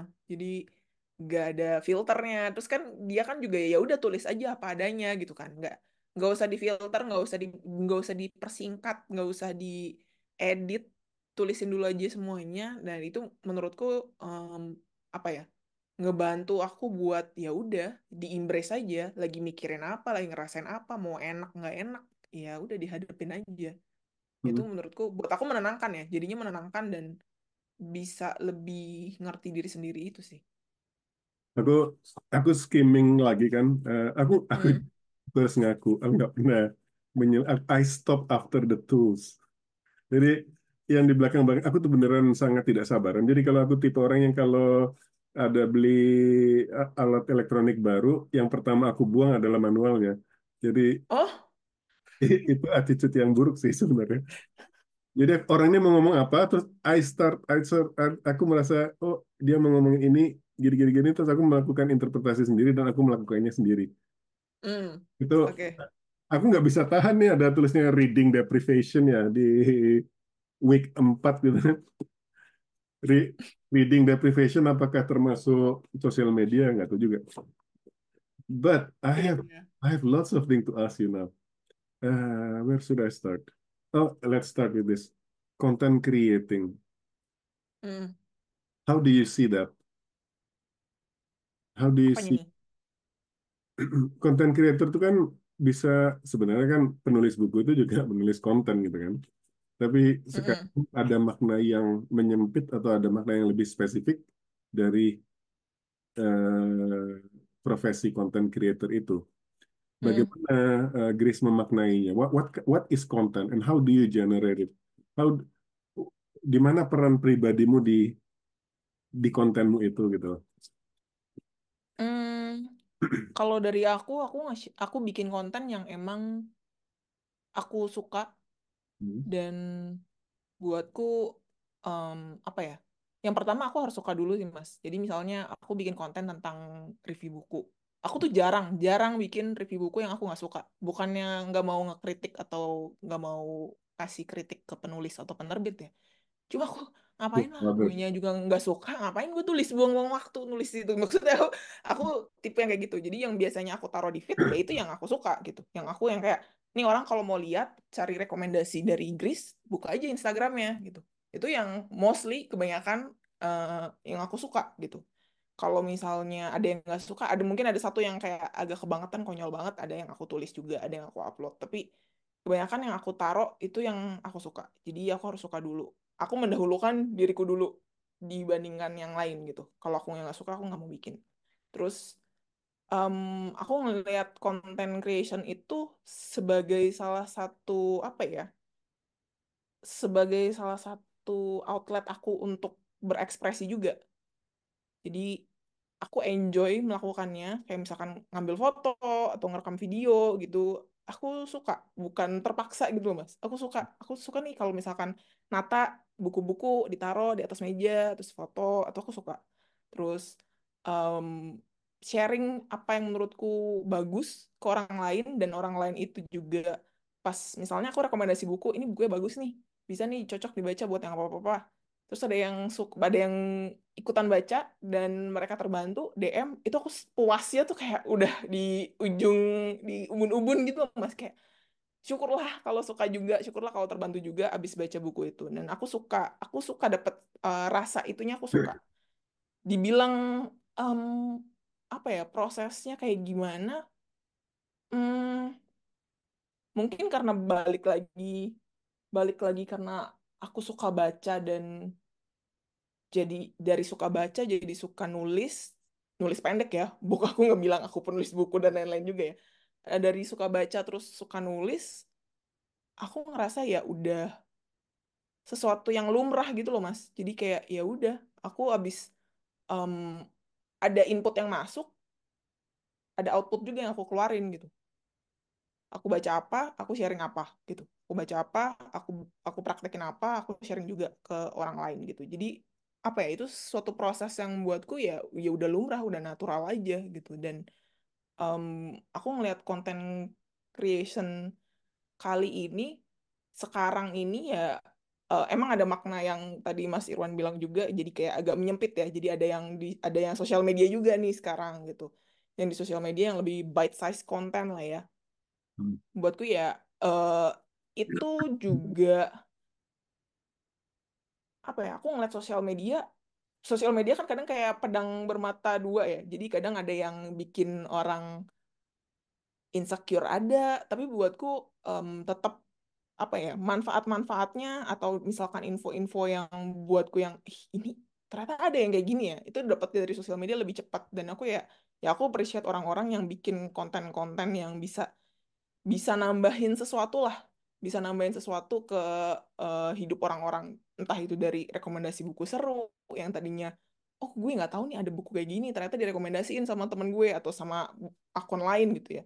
Oh menarik ya. Terus ada juga misalnya kayak tips-tips tertentu yang dikasih tahu sama orang atau tempat-tempat tempat-tempat yang bisa nih datengin ke sini kalau lu lagi main ke kota ini atau lagi ke negara ini dan aku ya maksudnya aku justru ngerasa kayak konten creator yang sekarang tuh juga um, mempermudah hidup juga in a way. Jadi nggak perlu nggak perlu cari apa nggak perlu effort tinggi untuk mencari informasi, tapi ngebuka aja satu akun ini atau dua tiga akun terus browsing dikit, oh udah ketemu nih, pengen coba ah yang ini gitu. Misalkan kita lagi mencari sesuatu gitu ya. Aku setuju banget tuh, Grace. Uh, ya banyak yang mengutuk sosial media de dengan macam-macam, tapi tetap aja manfaatnya juga banyak banget yang membuat mm -mm. aku kenal semua oh, yang aku bilang tadi tim fair dan sebagainya itu ya gara-gara sosial media apa dengan mm. yang seluas-luasnya kita ketemu juga gara-gara sosial media kan? Sosial media betul. Terus uh, yang jelas sih apa pun itu mau pisau kadang dia bisa dijadikan alat mengupas mangga atau dia bisa dijadikan alat yang berbuat kejahatan itu tergantung mm -mm. yang yang pakai juga kan? Yang pakai betul. Dan aku juga seneng uh, pola konsumsi kontenku juga sesuatu yang sesuai dengan diriku yang artinya gini uh, salah satu kriteria, kriteria utamanya adalah nggak needy you will uh, dan itu nggak dan genuine. Seperti yang Grace bilang tadi it starts from you. You start with the books or whatever you like baru di share ke orang. Dan yang resonansi yang didapatkan juga orang yang yang suka semacam itu kan. Dan you you will filter out unnecessary uh, excesses kalau kalau mm. dibandingkan dengan yang konten itu mencari perhatian. Itu kan ada mm. juga yang seperti itu do mm. anything not becoming yourself to get attention. That is another excess. Mungkin itu yang Hmm. membuat uh, sosial media jadi bad name. But Hmm. hmm. aku ingat tadi di awal kan Chris bilang uh, ketemu journaling gara-gara video konten uh, makeup itu yang Hmm. aku banget ori apa namanya uh, secara organis berkait berkait gara-gara ngeliat ini ketemu ini gara-gara ini jadi Hmm. Itu yang dulu terjadinya secara organik dari pergaulan tetapi dengan adanya sosial media itu bisa diextend seluas-luasnya aku nggak pernah Betul. ketemu tim Ferris tapi tim Ferris itu udah ngomong bisikin banyak hal berjam-jam di kupingku kan gila nggak kalau dipikir ya orang ini Iya, iya loh. dia kontennya minimal dua jam bahkan lebih dan dia aku jadi oh diksinya dia kayak gini oh dia pasti impulsnya dia kayak gini aku sampai tahu itu seperti tahu seorang teman gitu loh kadang-kadang bahkan Hmm. lebih lebih tahu dari teman nah terus Grace ini ada satu hal yang about life changing stuff Hmm. aku mau bikin podcast episode sendiri itu aku takutnya harus banyak disclaimer tetapi aku merasa ini menyenangkan banget untuk di untuk diucapkan atau untuk disampaikan Eh, tadi kan kita bilang yang melakukan kebiasaan kita kan cari sesuatu yang spark joy dan sebagainya. I want to take it into the next level karena setelah aku bilang tadi kan dulu awalnya buku-buku self help itu yang cenderung untuk menyelesaikan masalah. Tetapi Ya.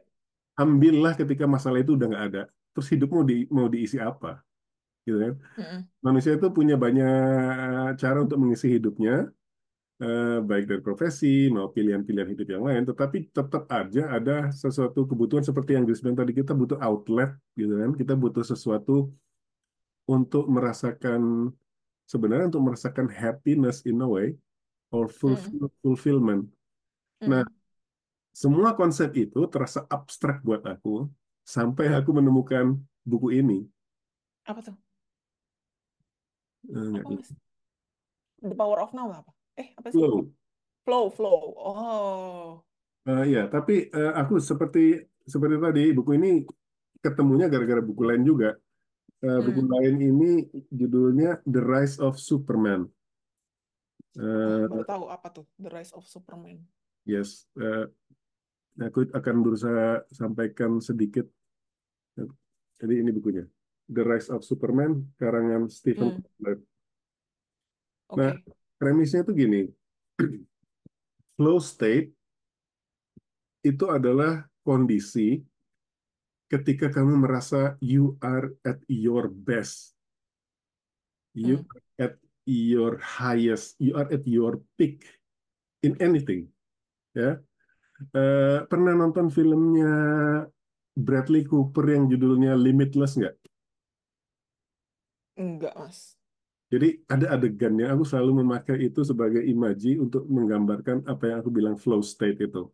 Jadi di film itu ceritanya ada pil, kalau kita makan, and then you semua otakmu langsung sangat encer, jadi lancar banget dan you can see the pattern, you can see many Hmm. very fast and anything. Jadi dia jadi Superman. Dan itu ternyata mungkin di, dinikmati oleh semua orang yang mortal kayak kita ternyata. I don't know about you, but I'm mortal. Terus eh, bukunya The Rise of Superman itu premisnya adalah dia dia seorang jurnalis tetapi eh, punya kayaknya punya background psikologi.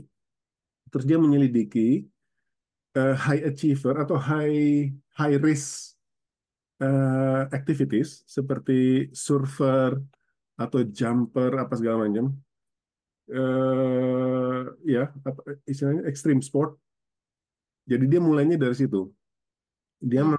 premisnya gini, oh pasti ada sesuatu yang beda dari orang-orang yang melakukan extreme sport ini karena yang mereka lakukan itu bisa membuat mereka mati.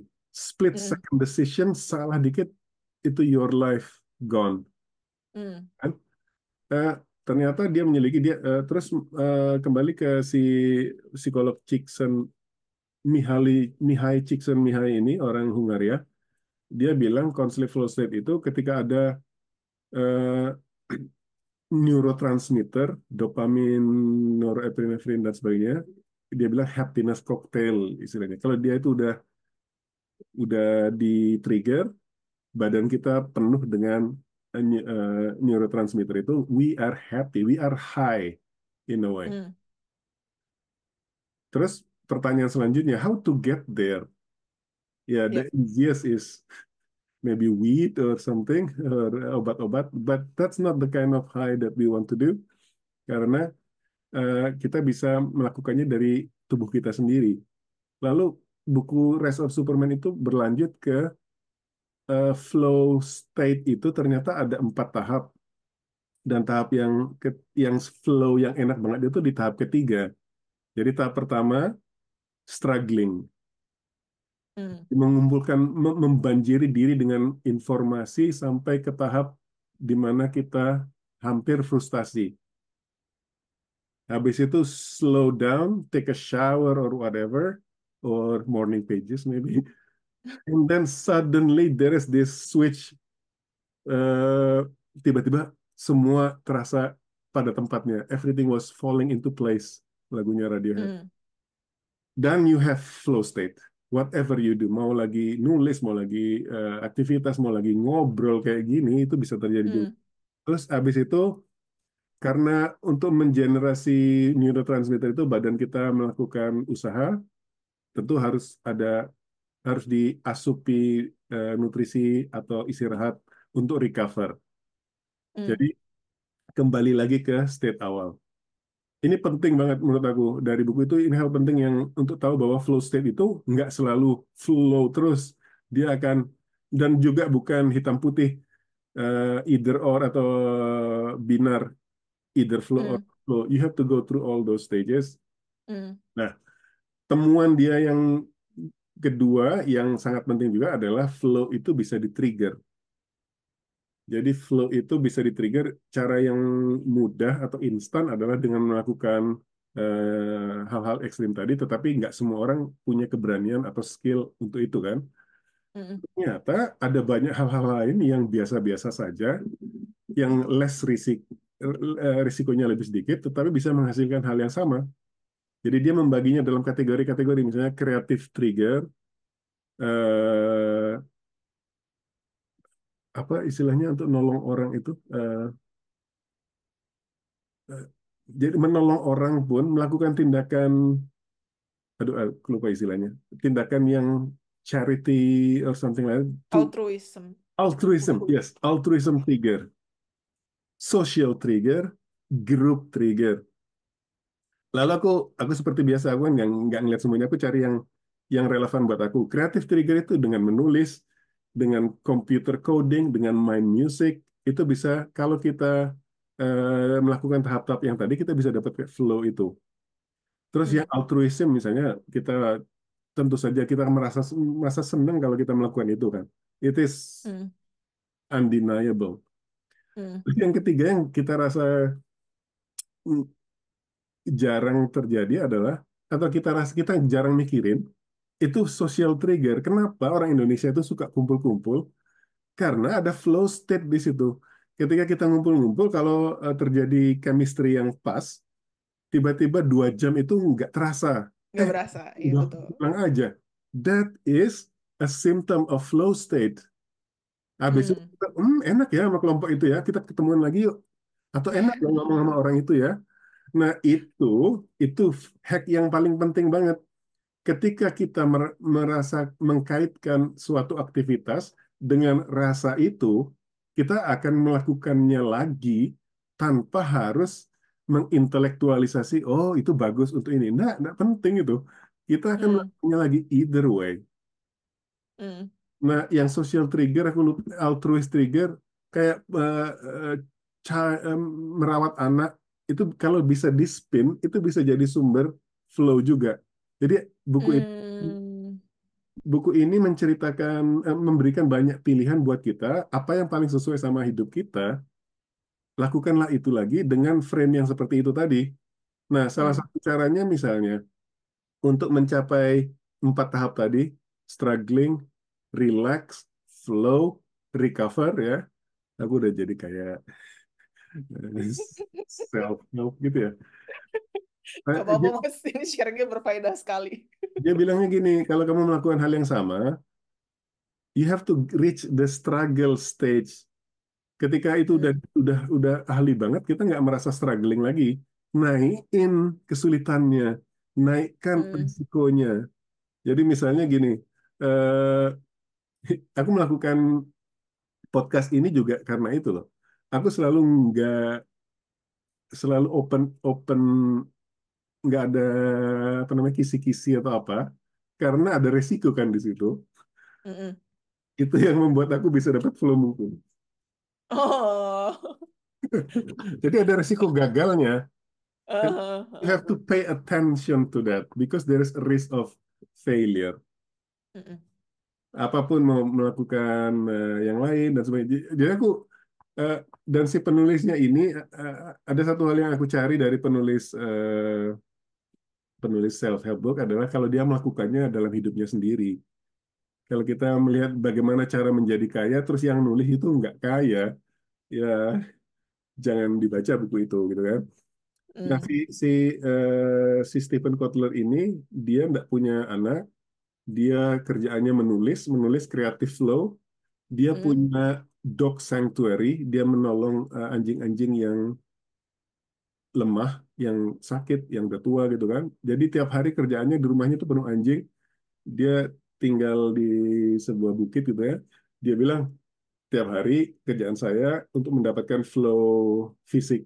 Flow bisa juga secara fisik. Saya naik ke atas sama anjing-anjing itu, sampai di atas saya turun sekenceng-kencengnya bareng sama anjing-anjing itu. Jadi anjing-anjing itu dengan energinya anjing yang positif gitu kan, it mm, fills me with joy.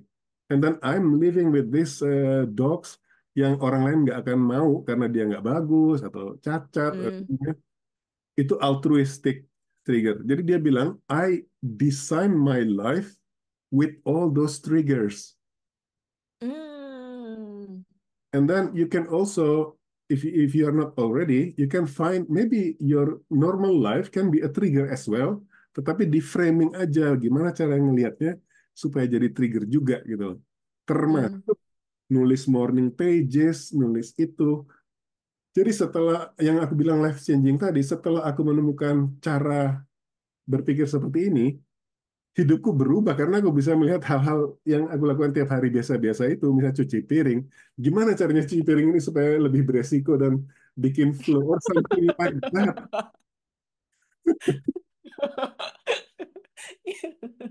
Ya nggak? Gila nggak sih?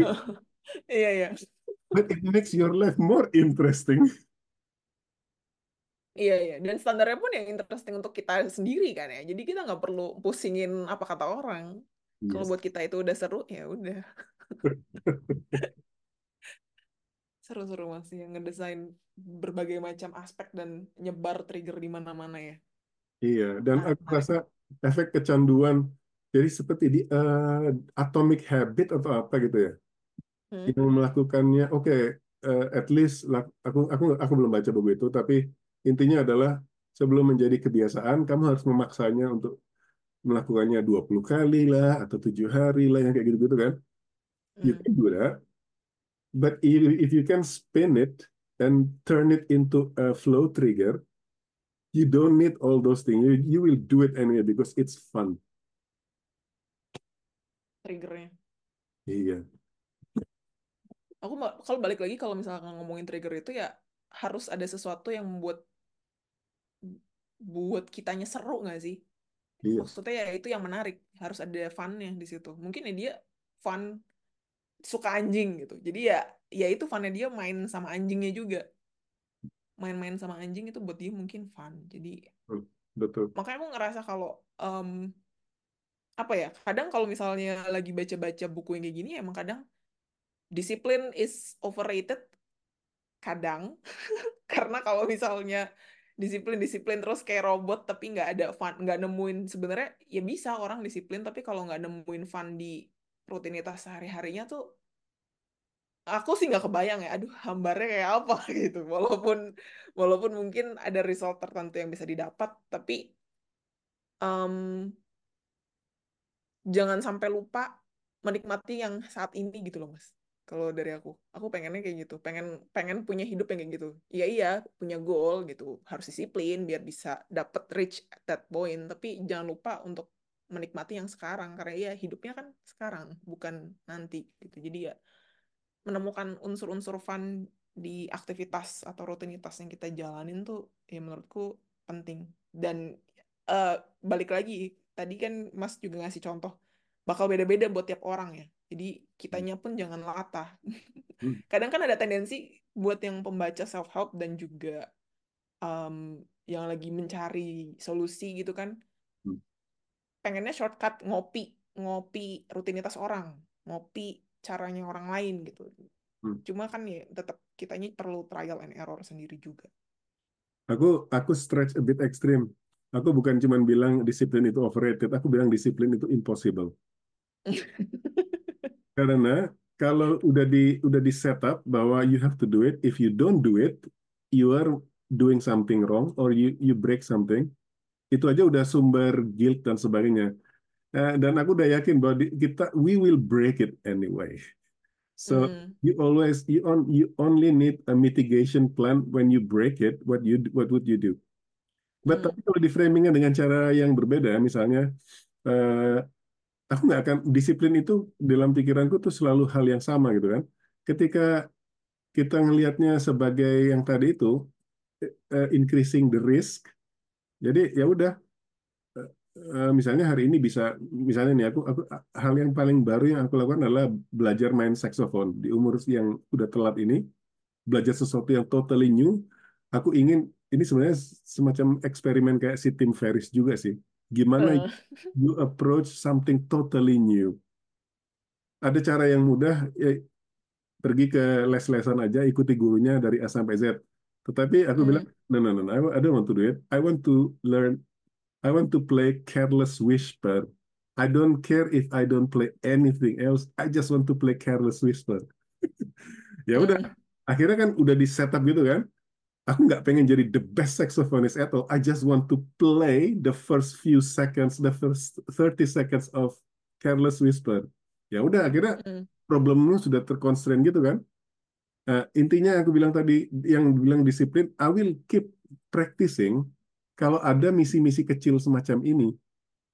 Hmm. Dan ketika Careless Whisper 30 detiknya udah bisa, 30 detik selanjutnya coba gitu. Ketika Careless Whisper sudah tamat, cari lagu lain, gitu kan? Ya, Hmm. you are aware. You are not disciplining yourself playing saxophone every day, but you are playing a song, a different song every day. Ya, Hmm. itu ya, wah, wah, aku beneran kayak Mario Teguh. ya gitu maksudnya, Chris. Iya, iya, iya. Tapi aku itu penting ya. Tapi aku setuju eh, untuk untuk memulai struktur-struktur yang ditawarkan di buku-buku self-help kayak prompting atau ide-ide itu bagus lah. Bagus, betul, betul. Eh, cuman yang perlu diingat adalah dua hal: when to stop and then eh, locus of control. Ketika Hmm. kamu menyerahkan kontrol itu kepada buku author tertentu atau eh, guru tertentu, it is external locus of control. Take it back at the end of the day, it is you who are doing this. It is you who are deciding whether something is good or not. Itu Iya. yang kadang-kadang lupa karena eh, yang kita baca kan kedengarannya otoritatif, otoritatif banget. Oh harus begini, harus begini, bagus begini, bagus begitu kan. Ketika kita tidak menemukan hal yang persis sama, kita nyalain diri kita sendiri. Oh jangan-jangan kita ada yang salah nih gitu kan. Terus ya itu Iya, iya. tadi prompting-prompting when to stop and then locus of control prom prom mana yang yang saya ambil sekarang dan kenapa saya ambil prom ini sekarang Hmm. gitu. Ada nggak momen-momen yang sangat distinct atau di di ever hate journaling? Hate, Mas? Enggak Yes, sih. nggak. Kalau hate, enggak. Nggak pernah sampai frustasi, mutung, nggak nulis sama sekali gitu? Nggak pernah. Em, kalau misalnya lagi, apa ya, lagi capek, kalau lagi capek banget, skip beberapa hari, pernah, gitu. Misalkan kalau lagi capek banget ya. mungkin secara physically dan emotionally lagi capek aku skip dulu pernah tapi nggak nggak pernah lama-lama gitu mas karena aku juga ngerasa butuh gitu kan aku butuh out- outlet buat ngeluarin kan buat rilis. Daripada aku jadi snappy ke orang-orang di sekitar aku mending aku keluarin ke atas kertas kan. Jadi ya itu ngebantu ngefilter juga. Jadi nggak pernah sih sampai kayak em, sampai nggak suka terus jadi stop dulu sampai lama. Biasanya kalau stop tuh ya pas lagi capek banget lagi capek banget terus ya paling aku ya istirahat terus em, ganti aktivitas lain lah. Ganti aktivitas lain yang juga sama-sama nge-recharge aku juga. Bisa dari ya pergi keluar terus ketemu teman-teman atau ya sesimpel istirahat tidur gitu itu juga bisa main sama kucing gitu. Jadi diganti aja tapi misalkan di stop sampai lama berapa minggu gitu enggak sih. Kayak aku juga aku juga udah nyari gitu mas. Kayak butuh aku juga butuh butuh journaling gitu. Jadi nggak nggak sempet lama-lama. The reason I asked was that exactly that karena kalau kita kita tuh merasa oh menulis itu bagus misalnya, atau apa pun itu bagus and then we have to have it all the time. Itu kan sama seperti bilang oh nasi goreng itu enak jadi kita makan nasi goreng terus. Kan nggak juga kan? Hmm, jadi hmm, eh, hmm, pentingnya siklus tadi adalah ketika sudah flow recovery recovery itu carilah distraksi yang lain to make your body adjust. Dan kadang-kadang misalnya belajar instrumen setelah berhenti istirahat tepatnya sih bukan berhenti beberapa saat karena jenuh banget kok kayaknya plateau nggak naik-naik nggak turun-turun gitu kan. Hmm, ada perubahan ya udah berhenti aja dulu. And then after making a distance you come back it's so refresh. Hmm. but ada satu hal yang kita lupa dari buku Artist Date ini. Eh, ah, Artist Date the Artist Way. Artist way. Which is the Artist Date. Mm-mm. Nah, itu kan dari dua dua tools yang dia kasihkan selain morning pages adalah yang kedua adalah dating dengan seni atau seniman. Do you do that? aku nggak bikin apa ya nggak nggak melakukan date yang gimana gimana aku cuma kayak yang sesimpel kayak ya udah jalan jalan sendiri keluar kayak misalnya aku suka suka eh, suka buku baca buku juga gitu ya aku ngebawa diriku keliling toko buku. Misalkan satu hari. Oh aku pengen main ke Periplus ah. Terus deket Periplus ada Kinokuniya main juga ke Kinokuniya lihat-lihat buku gitu. Di situ ada di mall itu ada Gramedia ke Gramedia juga ah. Ya maksudnya yang sesimpel itu itu sih mas. Hmm, hmm. soalnya kalau sampai yang kayak ke mana terus ngelakuin apa. Em, aku tuh kalau kalau di Jakarta di Jakarta ya aku tuh males trafficnya gitu loh. Jadi aku juga menghindari stresor-stresor tidak penting dari menjelajahi eh, jalan ke mana. Jadi aku juga ah, aku nggak nggak sampai melakukan yang gimana-gimana sih. Yang sesimpel-simpel aja tapi yang buat aku itu juga ngedatengin kesenangan buat aku. Kayak ngeliat-liat, oh ada apa ya di sini. Yang aku tangkap dari artis date itu agak berbeda mungkin ya.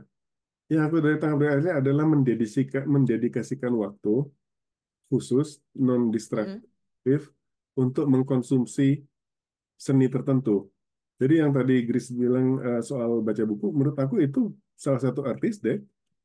Eh, baca buku tertentu yang oke mungkin mau kebab atau apa, it could be an artist diet. Mm. Yang aku lakukan ya pergi ke museum, tapi itu cuma satu kali, habis itu udah nggak jadi rutin sih. Eh, museum Mink atau apa, ya it's okay, it's nice. Terus yang yang paling sering aku lakukan adalah mendengarkan musik dengan eh, mindful. Kita udah terbiasa dengan streaming dan sebagainya, kita sambil ngerjain sesuatu, sambil olahraga, kita Mm. musik. Mm. That is a different mode of listening. But if you now I'm going to reveal how old I am. Kalau kita ingat dulu ya, ketika zaman musik itu terbatas, kita cuma punya kaset deh, sorry to say. Mm-mm. Jadi Kaset, enaknya ak- kaset aku juga masih nyicipin mas kaset aku juga mengoleksi Westlife dan kawan-kawan Oke. Jadi eh, enaknya punya kaset adalah kamu nggak punya banyak pilihan. If you Hmm, have only five, then you will listen the five more and more and more o- over and over again.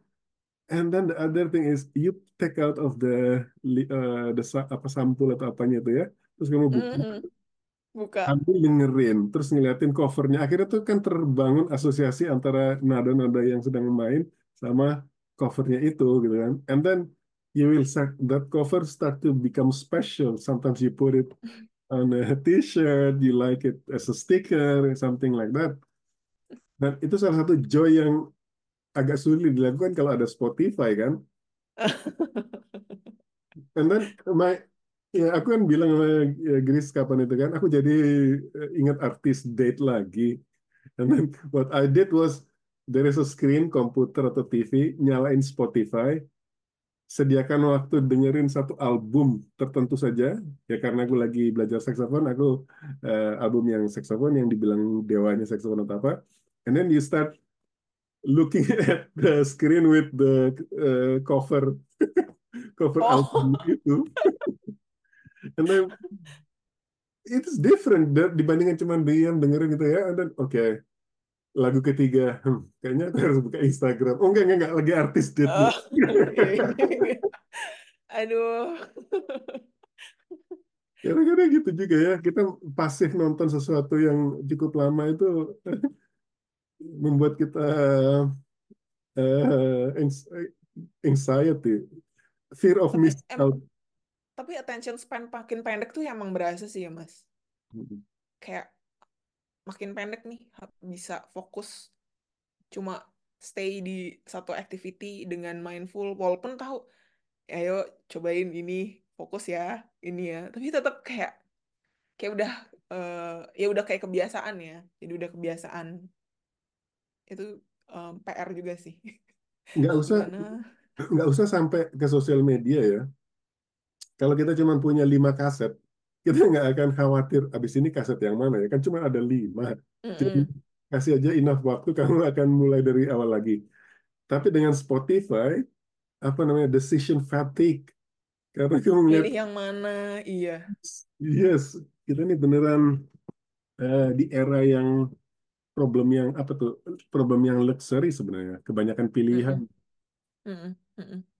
bikin playlist satu aja playlist buat nemenin kerja browsingnya aja berapa aduh kok malah jadi nggak kerja kerja bikin playlist doang mau nonton Netflix, oke, oh banyak banget nih film ini, film ini, film ini. Akhirnya milih, milih, milih, milih capek, akhirnya milih yang udah ditonton beribu-ribu kali. cari yang pasti-pasti aja akhirnya Oh ya, Grace, eh, di buku Why Has Nobody Told Me Before, Mm-mm. ada poin yang menurut aku penting banget, perlu disebutin di sini. Eh, ya, setelah baca banyak buku self-help, eh, tentu saja ada pengulangan-pengulangan dengan bentuk eh, penamaan yang berbeda saja, tetapi intinya tetap ya sama. Tapi ada hal penting yang aku ambil dari buku itu adalah pentingnya exercise. Iya iya loh mas benar Itu itu juga salah satu yang harga nongol dan mati. menampar aku Itu harga mati. baca Bener, bener. Mungkin kita iya bisa, loh mungkin mau ceritain sedikit atau aku aku juga bisa. Enggak, da- dari Mas Irwan aja Jadi gini, kita, aku tuh selalu merasa bahwa kalau masalah yang kita alami di self help misalnya depresi, bosan, eh, itu aku merasa itu cuma masalah mental. Mm-mm. Ternyata tidak. Fisikmu, hardwaremu atau biowaremu itu penting juga. Jadi Mm-mm. premisnya tuh olahraga itu tidak akan olahraga itu bukan obat dari semua masalahmu, tetapi tanpa olahraga kamu nggak akan ketemu solusinya. Kalau cuman Mm. muter-muter di oke oke bikin ini trik ini trik itu, you have to you have to move your body. Kan Mm. ada yang bilang secara ekstrim bahwa pembunuh terbesar di dunia itu bukan kanker atau nikotin, pembunuh terbesar itu adalah sofa. Karena di situlah sofa itu pembunuh terbesar sebenarnya. ada magnetnya Iya, jadi ketika badan itu sudah bergerak, baru semua trik-trik self help itu masuk akal. Badanmu Mm. badanmu enakin dulu, eh, stres Mm-mm. hormonnya dikurangi dulu dengan olahraga gitu. olahraga Mm-mm. Jadi eh, menurut aku penting setelah mau sebelum ah, makanya ini ini morning routine itu adalah olahraga dulu, habis itu jurnal baru morning pages. Ya, sama ada ada satu hal yang mungkin untuk episode selanjutnya. morning morning exercise-mu apa, Mas? Eh, kalau di luar lagi nggak bisa ke gym, aku pakai exercise bike di rumah, di apartemen. Oh, oke. Dan lakukan hal yang sama seperti tadi, increase the challenge. Don't do the same thing over and over again. Make it fun. Kadang-kadang, oh aku aku biasanya either by time or by kilos. Biasanya 25 kilo atau 10 kilo atau tergantung waktu yang tersedia. Tapi kalau waktunya mm, sangat sedikit, oke, aku cuma punya 10 menit, gimana caranya secepat-cepatnya, seberapa, se- dalam 10 menit itu berapa kilo bisa dicapai. mm. Dan, oh ya, dicatat, di track. If you Iya. track it, then you will see the progress. Kadang-kadang kita, Mm, oh ya, kita kira-kira aja, kira-kira aja. Kira-kira itu eh, resep for disaster. Karena kita nggak beneran ngeliat progresnya. Catat mm, atau masukkan ke morning pagesmu. Kadang-kadang aku tulis itu, oh, hari ini exercise-nya enak banget nih. And then, when I read it, cross-section, wow, hari ini aku kok nggak olahraga ya? Padahal tahun 2016 aku olahraga loh hari ini. Kayak gitu. mm. Iya, iya, iya, iya. Iya ya, ini kan buku-buku ini sempat aku bahas juga sama teman waktu di oh, buat Instagram Live gitu Mas. Dan kita ber, kami berdua tuh sama-sama tertampar yang bagian olahraga. Waduh, ini kayak dia berapa halaman kan ngebahas exercise pentingnya exercise exercise terus kayak wah ini sih buku yang bener-bener eh, apa ya kayak kalau misalkan abis baca buku ini udah nggak ada alasan lagi nih buat ngelak gitu karena dia udah nampilin berbagai macam manfaatnya, datanya, researchnya gitu. Bagusnya exercise buat kita tuh apa gitu. Jadi ya surprisingly ada ya di buku ini. Iya, dan itu di di bab-bab yang berbeda-beda kan, do exercise. Do. Hmm, Kalau hmm. aku bisa bilang di depannya, before you do anything else, exercise please. Move your body. Aku aku kadang-kadang gitu. Waktu pertama nyampe ke Norway, tiba-tiba ada satu ha- satu hari yang kok mellow ya. Aku kayaknya homesick, kok pengen Indonesia tuh kelihatannya indah sekali gitu. Terus aku pikir, ngapain aku ada di negara yang ribuan kali gini gitu kan. And then I start, huh, hold that thought go exercise, go jogging or whatever, and then go back to go back to that thought again. If you still Hmm, depressed, habis itu baru kita selesaikan. Jadi setiap jadi sekarang setiap aku merasakan mulai ada eh, rasa-rasa yang nggak enak, negatif itu, aku bilang berhenti dulu. Udah olahraga atau belum? Kalau belum, ya udah tunda dulu ya, catat dulu di mana, di notepad atau apa nanti. You will get back to it. Kamu nggak akan, kamu nggak dismissing it. You hmm, hmm, deal with it. You will deal when you are fresh. And then most of hmm. the time, the problem is not there. Iya, iya. Hmm. Jadi Griselda, kita udah flow state belum nih? Udah dua jam. Jadi aku menyarankan untuk journaling kalau yang mendengarkan ini belum pernah journaling, udah coba pergi ke Instagramnya Griselda atau Gris, DM dia, gangguin atau ikut lesnya. Do it and before doing it, exercise please. Exercise, please. Gerak dulu. Aduh, PR nih ya. Ada kata-kata terakhir Griselda sebelum kita tutup? Kalau em, aku paling mau apa ya? Mau ngingetin ke teman-teman yang mau nyobain journaling, mau masih ragu-ragu gitu ya. Maksudnya journaling ini bisa dianggap sebagai salah satu bentuk kita self care-nya kita lah gitu.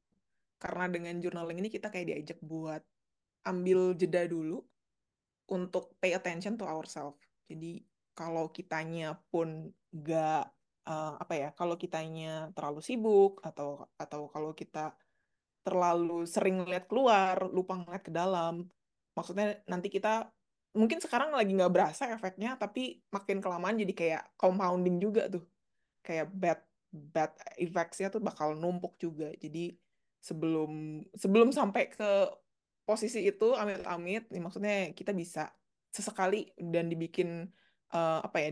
em, kita bisa mulai dengan hal simpel seperti ngambil jeda 10 menit, 15 menit gitu. Kayak nggak mesti kita harus nulis em, yang panjang-panjang kalau belum terbiasa, jangan langsung yang susah juga. Buat misalkan kalau buat teman-teman susah nih nulis tiga halaman, tulis yang senyamannya dan sebisanya dulu aja. Jadi selalu mulai dari yang simple, yang gampang, nulis satu paragraf. Itu kayaknya semua orang bisa ya, nulis satu paragraf, satu kalimat gitu kayak hari ini mau ngapain atau hari ini lagi ngerasain apa atau hari ini mau uh, hari ini intensinya mau bikin kerjaan gue kayak apa gitu kan kayaknya mungkin setiap orang bisa. Mulai dari yang simple dulu, ya nanti abis itu teman-teman bisa kelihatan tuh eksplorasinya bisa jadi kayak apa aja teman-teman bisa amaze sendiri nanti dengan apa yang ditulis. Karena kita pun kadang nggak nyadar ya nggak nggak diniatin kan nulisannya tuh nanti bakal jadi kayak gimana atau dapat uh, insight apa tentang diri. Tapi tahu-tahu pas kita ngebiarin tangan kita nulis gitu itu teman-teman bakal kaget dengan apa yang ditulis diri sendiri loh. Dan ya semoga teman-teman nanti pas nyobain bisa ngerasain juga sensasi surprise yang didapat dari baca jurnal entry-nya masing-masing. Gitu yeah. aja, Mas. Terima kasih ya. Ini obrolan yang sangat menyenangkan. Ini ini alasan kenapa aku bikin podcast because of this something unplanned and something surprising or something new. I hope uh, it goes both ways. Ya, yeah. thank you juga Mas udah ngundang buat sharing-sharing di podcast ini. Terima kasih, Gri. Sampai ketemu lagi ya. Iya, thank you, Mas. Bye. Bye-bye.